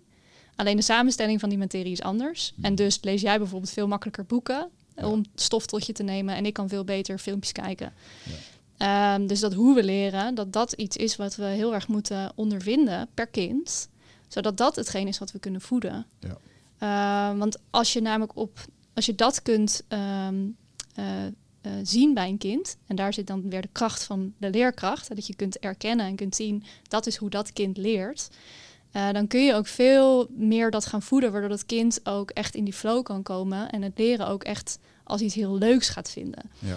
En dat is volgens mij ook waar school over moet gaan. School moet gewoon heel leuk zijn. Ja. En om dan maar even een anekdote erin te gooien van de Green School. Toen ik daar was, eh, heb ik ook naast school de Cool Farm bezocht. Dat was de permacultuurfarm naast school. Mhm. Waar ze het voedsel verbouwen. Ze geven allerlei bamboecursussen. Eh, ook een mooie plek. En daar sprak ik een vader tijdens de lunch en die zei... ja, als mijn kinderen in het weekend vervelend zijn... dan zeg ik, jullie mogen maandag niet naar school. Oh, wauw. En dan is het meteen goed. Gewoon draai de wereld even om inderdaad. Ja. Ja. Terwijl mijn ervaring was vroeger echt huilen op zondagavond. Ik wil niet naar school. Dus ja, Ja, nou moet ik zeggen dat ik mijn... Ik ben dan ook sterrenbeeld vis. Dus ik ben wel iemand die overal een soort van doorheen gaat. Op Ja. eigen gemakje. Ja. Maar daar zit wel een hele... ehm, ik kan wel heel erg de storm accepteren en dan gewoon maar in meegaan. En ik denk dat dat bij mij heel erg was. Terwijl mijn partner echt, eh, die had ook datzelfde van, ik verschrikkelijk om naar school te gaan. ja, dat verschilt natuurlijk per, Ja. per ervaring. Hey, en eh, wat doen jullie? En, en dan heb je nog, nou oké, dan heb je het kind, maar dan heb je ook nog hoogbegaafd en la, ja, mag je dat zeggen? Laagbegaafd? Ja, dat, dat Geloof ik eigenlijk bij- nou, ja, ik weet het niet. Ja, Ja. Eh, zeg het maar. ja, nou ja, ja, ik geloof. Ik, ja, ja, ik geloof dus heel erg niet in al dat soort labeltjes. Net zoals dyslexie, cal- dyscalculie. Het zijn allemaal neurodiverse. Het is eigenlijk neurodiversiteit. Hè? Net zoals dat we biodiversiteit nodig hebben, hebben we ook neurodiversiteit nodig. Ja. Ehm, of culturendiversiteit. Het is allemaal juist wat ons veel rijker maakt. En ehm, ik denk dat al dit soort labeltjes voortkomen uit het systeem. Mm, Hè, dus iemand functioneert, of een kind functioneert niet in het systeem. Dus er moet een labeltje aan gehangen worden. Terwijl als dat systeem veel vrijer zou zijn. Ehm, en we die divers- diversiteit juist omarmen als iets verrijkends. ja.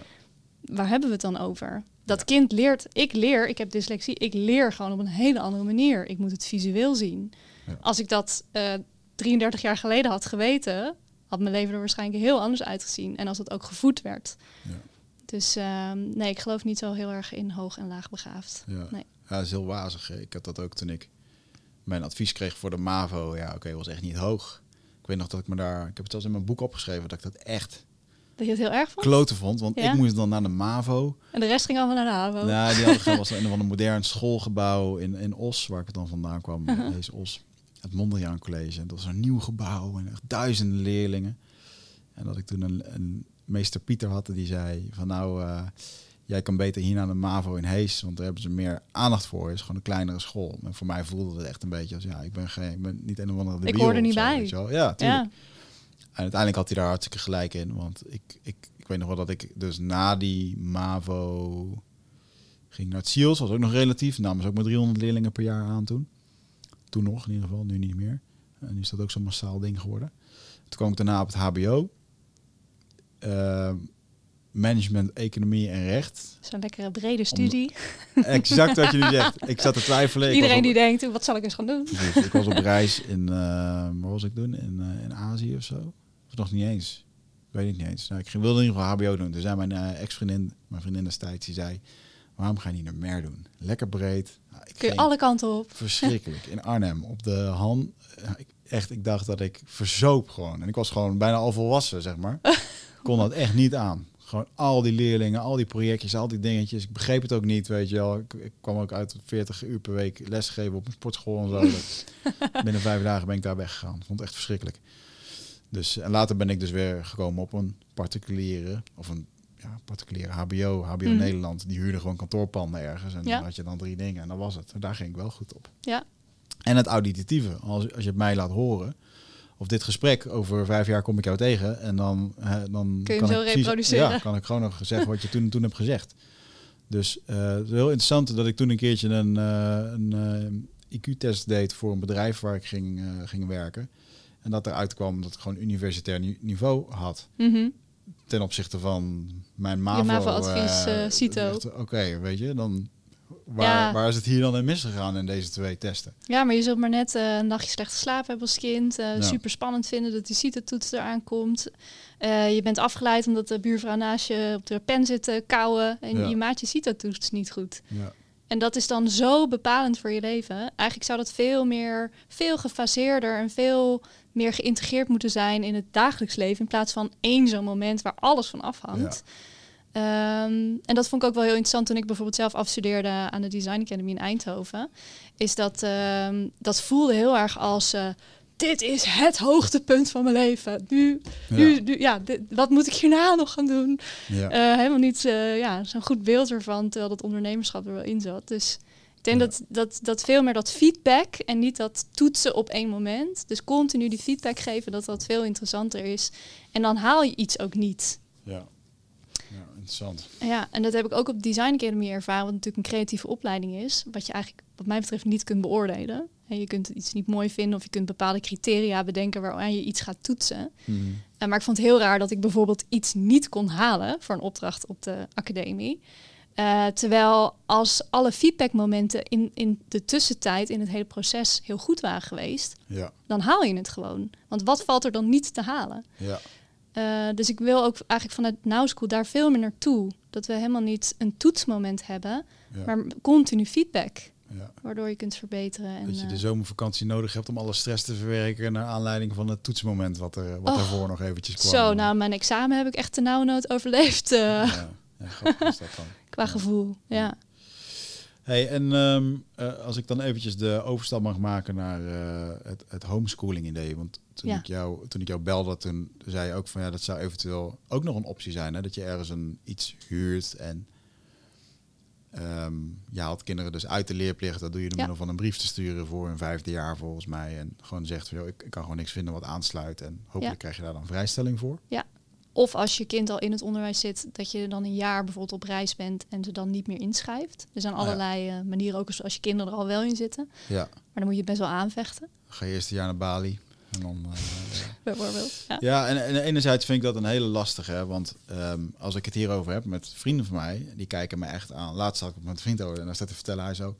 En dan krijgen ze wel eh, Nederlands en rekenen, toch? zo, ja, weet je, ja, dat mag ook gewoon. Ik bedoel, Ze Uh-huh. mogen wel gewoon wat opleiding hebben. Alleen de, de gedachte dat, je, dat ik straks zeg dat mijn kind potentieel niet naar school gaat. Op de manier dat het is. Wow, weet je wel? Dat, dat, of, of een van mijn beste vrienden, Dennis, als je dit hoort. zei nu, hij bleef echt zo stil aan de telefoon. Eh, nou, je zal er best goed over nagedacht hebben. Eh, ik weet het te weinig van. Weet je. Ja, en terecht. Want als je, dit, als je dit niet weet dat deze wereld er ook nog is, of, of je, ja, je, je, je denkt er anders over, dan is dat een. eh, hoeveel kinderen homeschoolen in Nederland? Ik geloof volgens mij nog geen 1500 of zo.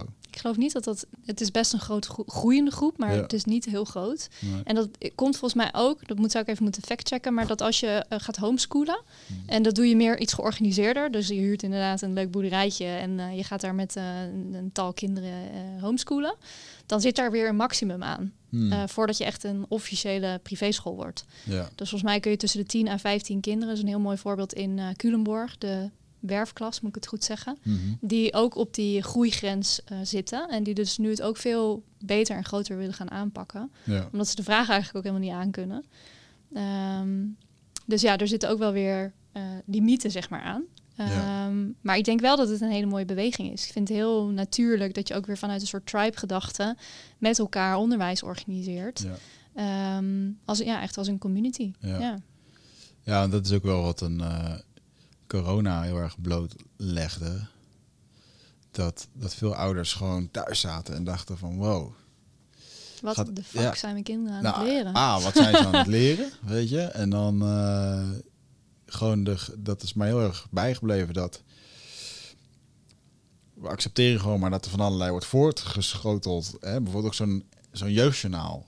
En dat zo'n vader sprak zich eruit over op LinkedIn dat hij dus dacht van ja, dus een uur per dag kijken ze daarnaar. Mm. Of ze niet alle dagen, maar één keer in de week kijken ze daarnaar. Dan hebben ze nog wat vrij, dan krijgen ze dit, krijgen ze dat. En dan en ze krijgen allemaal dingen te zien waarvan ik eigenlijk denk van ja, dat, dat hoef je helemaal niet te zien. Ja, want als, het, ja, als je het binnenkrijgt via je zintuigen, komt het ook in je systeem. Dan bestaat het in één keer. En je moet het verteren. Ja. Of je slaat het op. Ja, of je slaat, het, je, slaat het op met je eigen gedachten, eigen visie, die van een kind natuurlijk gewoon ook, ja, maar vorm krijgt zijn. nog, ja.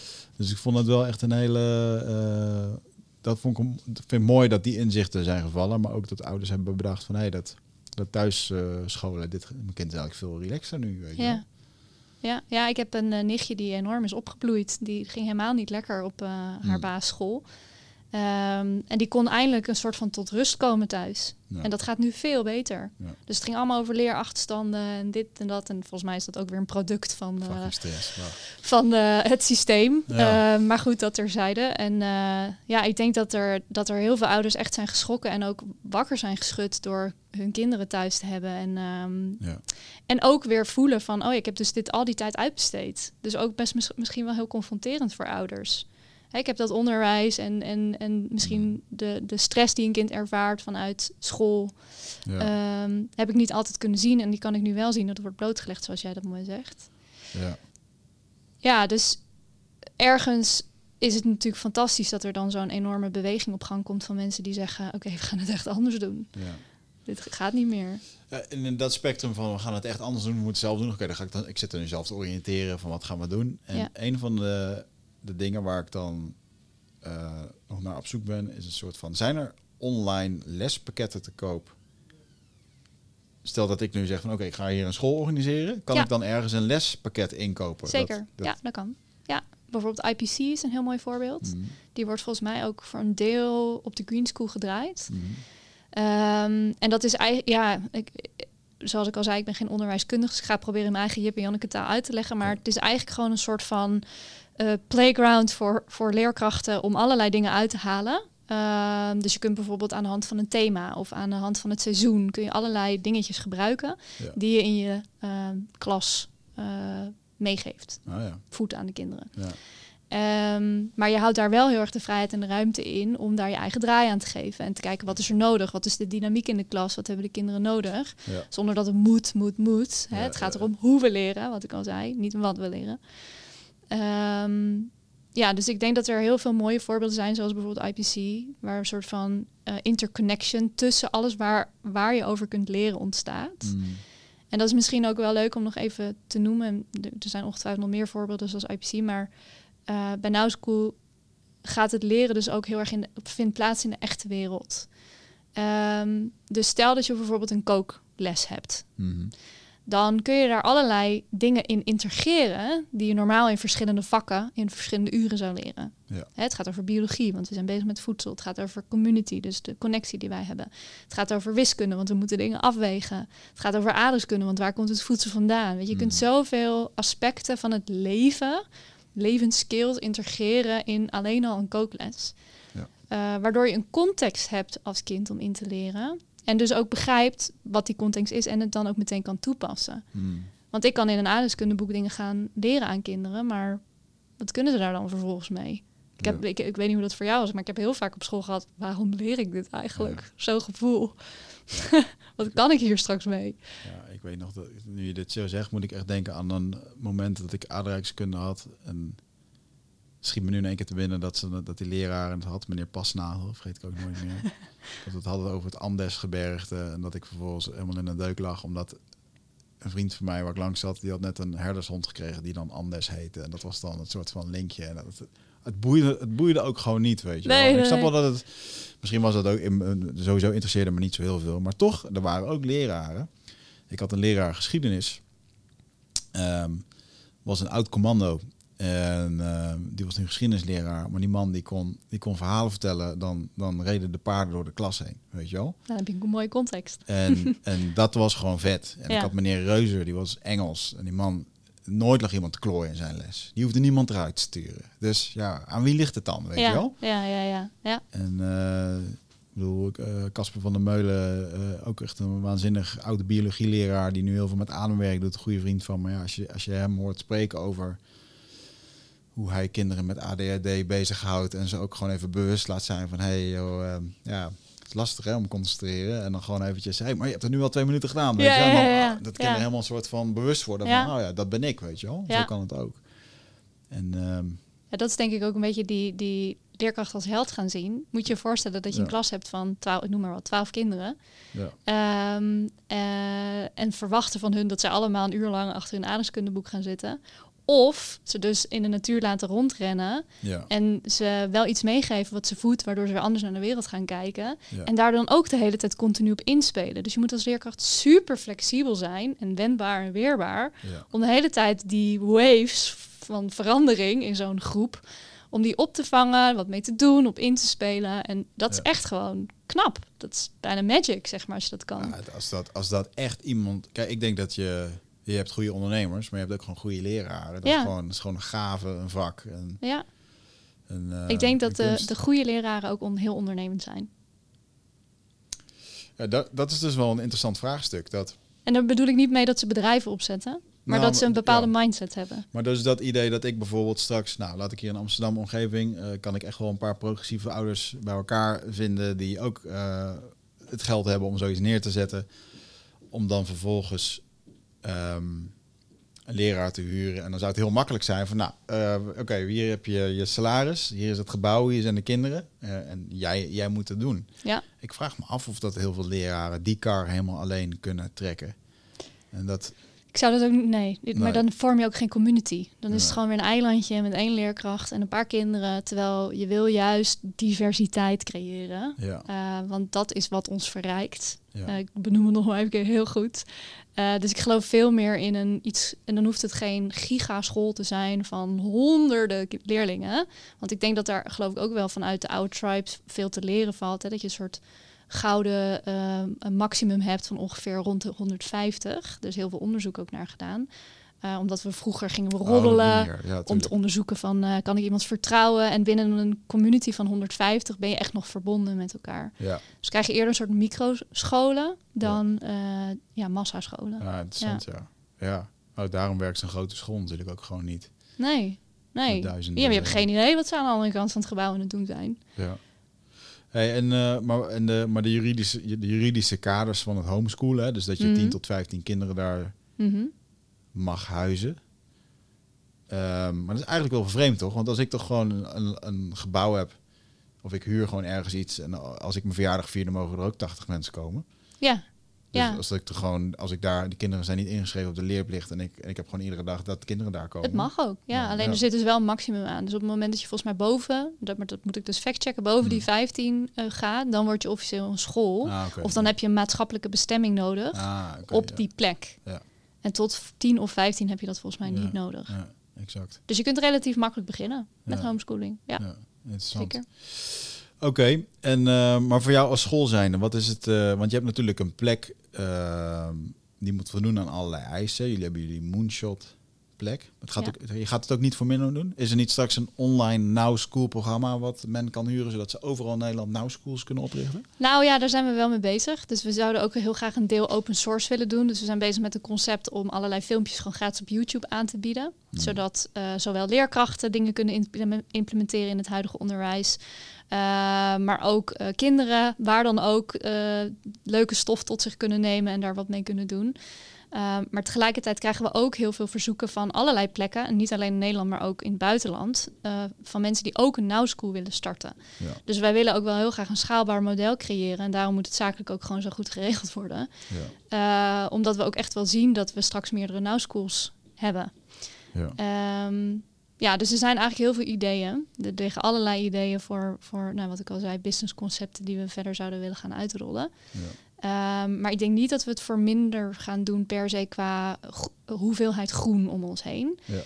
En een van de, ho- de hoop die ik had, maar eigenlijk ook wel een soort van eis is geworden, is ehm, ik wil niet dat Now School een eilandje wordt. Mhm. Dus ik wil niet ergens in Lutjebroek op een stukje land eh, met leuk met twintig kinderen en één leerkracht. Ik wil in de maatschappij met andere ondernemers echt een soort van toekomstprototypen met elkaar. Ja. Eh, waardoor het meteen toepasbaar wordt in de wereld. Want anders ga je het dus ook weer dogmatiseren op een plekje ergens eh, Ja. buiten de maatschappij. ja, heel vet. Leren, leren is de maatschappij. Ja. Dus ja. Heb je al een wachtlijst met leraren? Nou, ehm, leuke vraag. Wij krijgen dagelijks heel veel aanmeldingen. Het blijft maar doorstromen. Eh, zeker na een heel mooie publicatie Maatschappij. Misschien ken je dat. Dat, dat is inmiddels, eh, nou, ik denk al 35.000 keer gelezen. Hmm.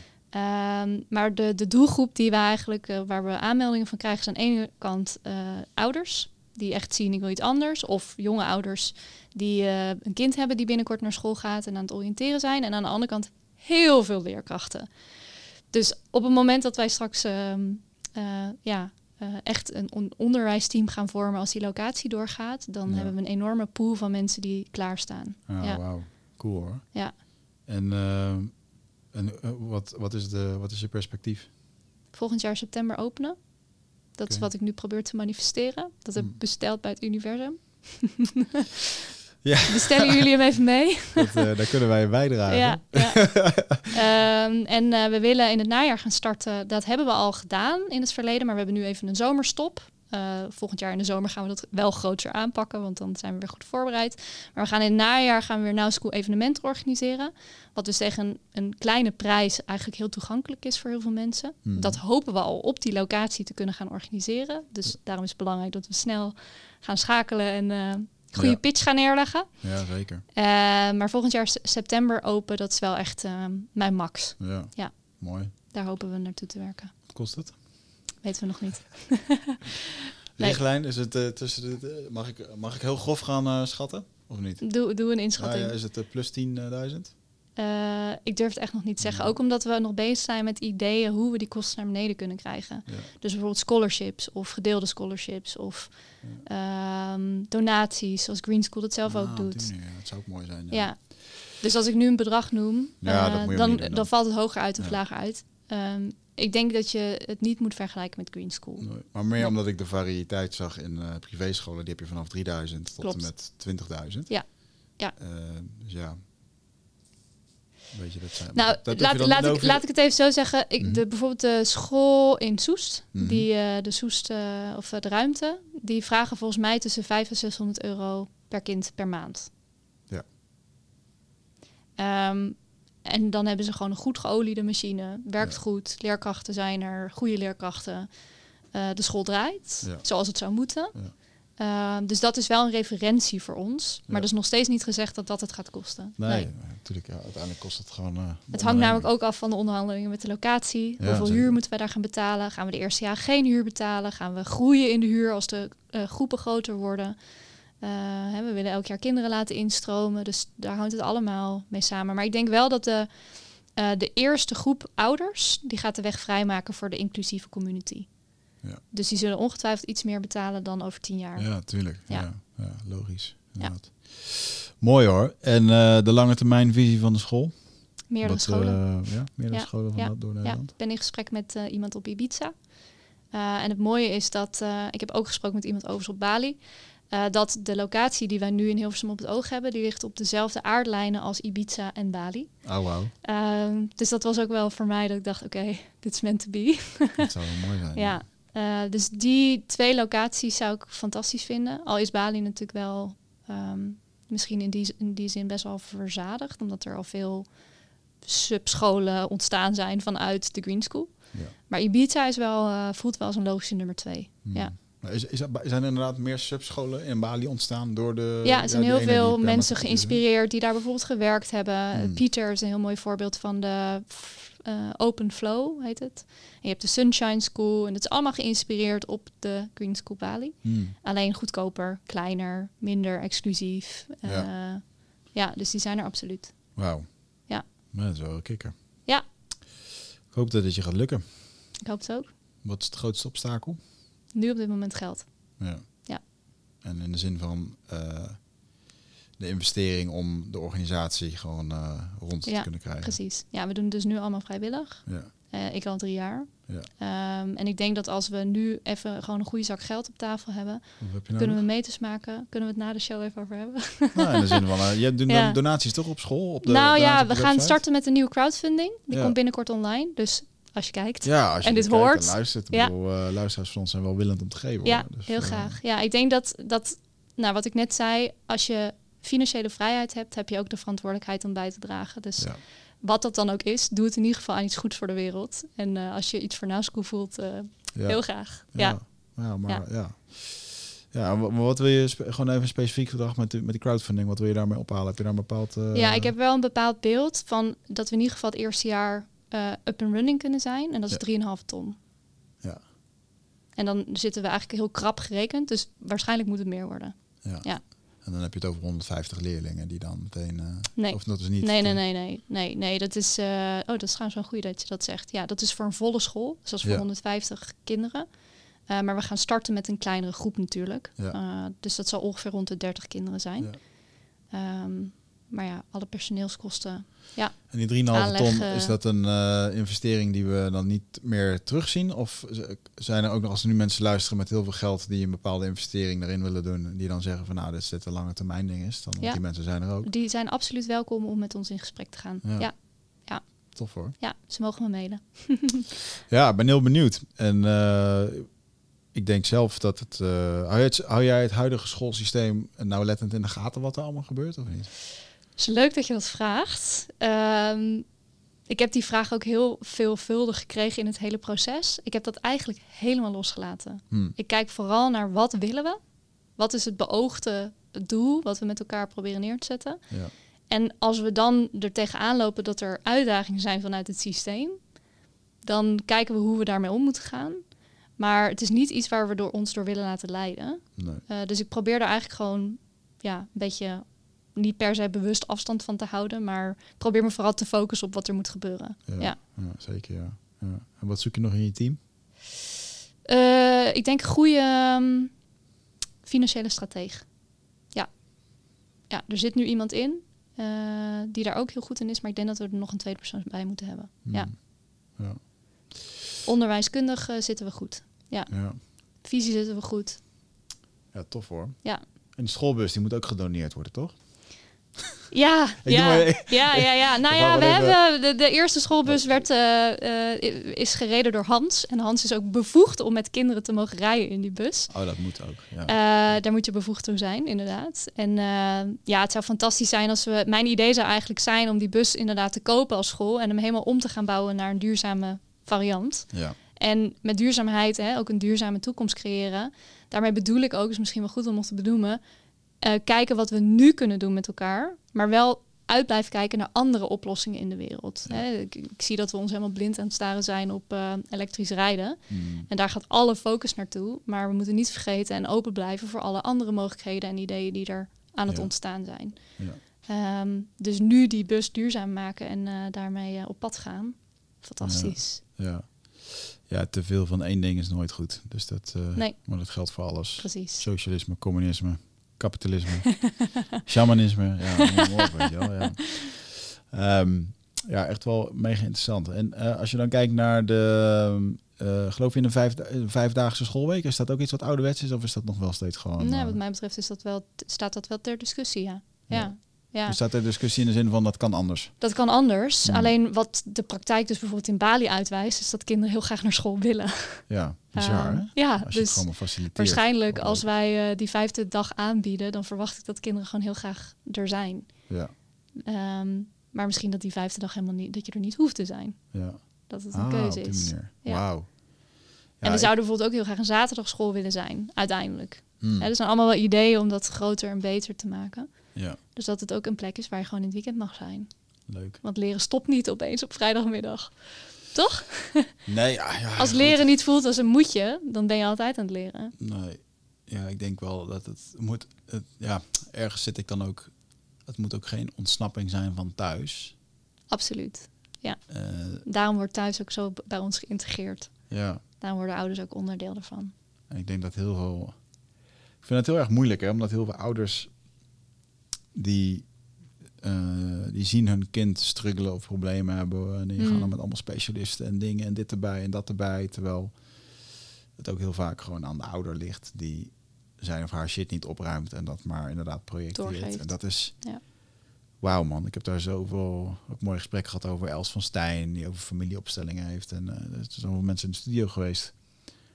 Dat het is niet eens zozeer, het is gewoon onbewust dat je kind het voelt en het overneemt. Ja, die lineage die is, die is zo Ja. intens aanwezig. En, de, en de, als je daar gewoon, als je in het gezin zit, dan, dan merk je dat niet. Dan zie je dat niet zelf. Ja, Terwijl als ik dan soms, op, en dus anderen zullen dat ook over mij zeggen als ze mij met mijn gezin zien, maar soms dan kijk ik naar een gezin, dan zie ik dat het daar niet lekker loopt. En dan heb ik natuurlijk, is ook maar mijn mening en mijn waarheid, maar ergens heb ik dan toch het idee dat ik soms dingen helderder zie dan zij Mhm, zelf, mhm, weet je wel. mhm. En dat is het gevaar van eh, in het potje zitten. Ja, of in de, hoe zeg je dat, de kikker die in de pan zit en er niet uitspringt. Ja, ja is dat een... nou ja, eh, dat is misschien niet de beste. niet- nee, het is beste. Nee, het is nee. meer het, eh, als je in het potje zit, kan je niet op het etiket kijken. ah ja, ja, eentje die ik graag ja, gebruik. ja, ja, klopt. En ehm, Ja. Eh, Ja, en ik denk dat dat ook omdat je, doordat we allemaal zo disconnected zijn van onze binnenwereld, zien we Ja. ook niet dat alles wat buiten ons gebeurt een reflectie is van wat er van binnen Ja. gebeurt. ja, het heeft een hele bewuste ouder nodig om dat soort dingen te doorzien. Ja, Ja, wanneer ben je dan een bewuste ouder? Ik bedoel, ehm, we kunnen natuurlijk allemaal wel eh, eh, in onze yoga broek naar school toe gaan. En, maar dan ben je nog niet per se bewust aan het opvoeden. Nee. Of bijvoorbeeld het omgaan met social media en met dingen. En, oh, het is echt heel erg lastig. ja, en dat geeft denk ik ook wel de complexiteit aan. Hè? Ja. Omdat wij zelf zo enorm als volwassenen geconditioneerd zijn. En die kinderen die geboren worden en al zijn, eh, maar Ja. wij langzaam ont zijn. Ja. Ehm, het is zo moeilijk om dit patroon te doorbreken eigenlijk. Ja. Want wij als volwassenen hebben allerlei verwachtingen en ideeën over hoe het moet zijn in het onderwijs en hoe, hoe onze kinderen moeten opgroeien. Want wij hebben het zelf ook zo goed gehad of zo slecht gehad. En ehm, ja, dat doorbreken van die conditioneringen, dat is eigenlijk de essentie van dit hele probleem. Ja. Ehm, Of de grootste uitdaging. Ja, Ja. Oh, ja. Er valt nog een hoop in te halen inderdaad. Ja. Maar goed, dat... eh, we're working on it. Ja, je bent, je bent het wel mooi aan het doen. Dus ik heb er heel veel respect voor wat je daar neerzet. En, eh, Ik leuk. geniet er ook elke dag van. Ja, dat begrijp ik wel, ja. En ehm, nou goed, nogmaals, luisteraars, als jullie zin hebben om bij te dragen aan, eh, aan dit idee, kijk dan eventjes op now-school.com. Ja. Ehm, slash crowdfunding. Hele of slash donatie. Ja. Er staat dan, ergens eh, een knop. ja, mooi. Ik, ehm, zijn er nog andere dingen die jij ehm, kwijt wil hierover? Ik kijk er heel erg naar uit om volgend jaar met een hele mooie groep te mogen starten in september.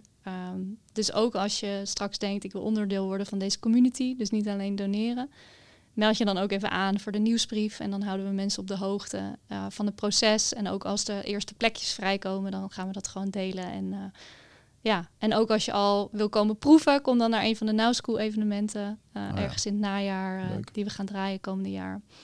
Ja. Dus genoeg momenten om echt met elkaar te gaan verbinden en Ja, te gaan prototypen. ja. Wat, waar zit jouw grootste groei in, in dit verhaal? Waar, waarmee, waarmee word jij het meest opgerekt in het, in het opzetten van dit? Ehm, ja, echt alle aspecten, want er komt zoveel bij kijken. Ik denk qua visie helemaal niet, want dat is gewoon iets waar ik goed in ben. Ik kan Hmm. gewoon heel duidelijk zeggen, oké, dit is waar we naartoe gaan. Hoe zin?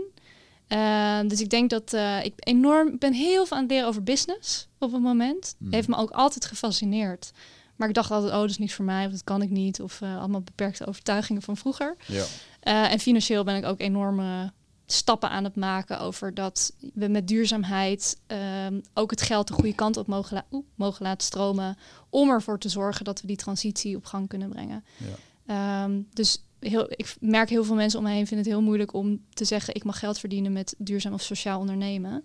Terwijl ik denk nee, dat moet je juist willen. Ehm, want dan kunnen Ja. we tenminste die ja, volgende stap met elkaar zetten. Ja, Ja. dat is heel dat taboe op geld, dat, dat het het pure kwaad is. Maar het is maar net hoe dat je het wil inzetten en wat je ermee wil doen. Ja, en, eh, Exact. Draagt, draagt het bij aan de oplossingen of Ja. aan de problemen? Ja. Wat zei je nou over, dat zei je toen aan de telefoon over eh, die Bali Green Schools, 19.000 dollar per jaar of zoiets. Ja, om nabij. Ja. En dat je dat dat een bewuste keuze van hun was. Van, ja, want kinderen in Bali of Indonesië, no way dat die daar de gemiddelde daar aan mee kan doen. Als Mhm. je 25 cent per dag verdient. Ehm, maar jij had daar een bepaalde visie op dat de 1% gaat Ah, dan- ja, ja, ja. Ja, klopt. Wat zij zeggen is dat 1% van de wereld zorgt ook voor 100% van de impact. Dus Ja. de 1% rijkste van de wereld, die, die creëren eigenlijk het grootste deel van de problemen. Ja. Omdat zij de bedrijven runnen die een behoorlijke belastende impact maken. Ja. Ehm, dus dat zijn de grootverbruikers, zeg maar. Ja. En eh, ergens snap ik dus ook heel goed dat zij het zo aanpakken. Eh, maar tegelijkertijd mis je daardoor ook wel een beetje de, ja, de inclusiviteit die we Ja. juist willen. Maar ik begrijp het wel, want hoe doe je het anders nu op dit moment? Ja, tof. Ja.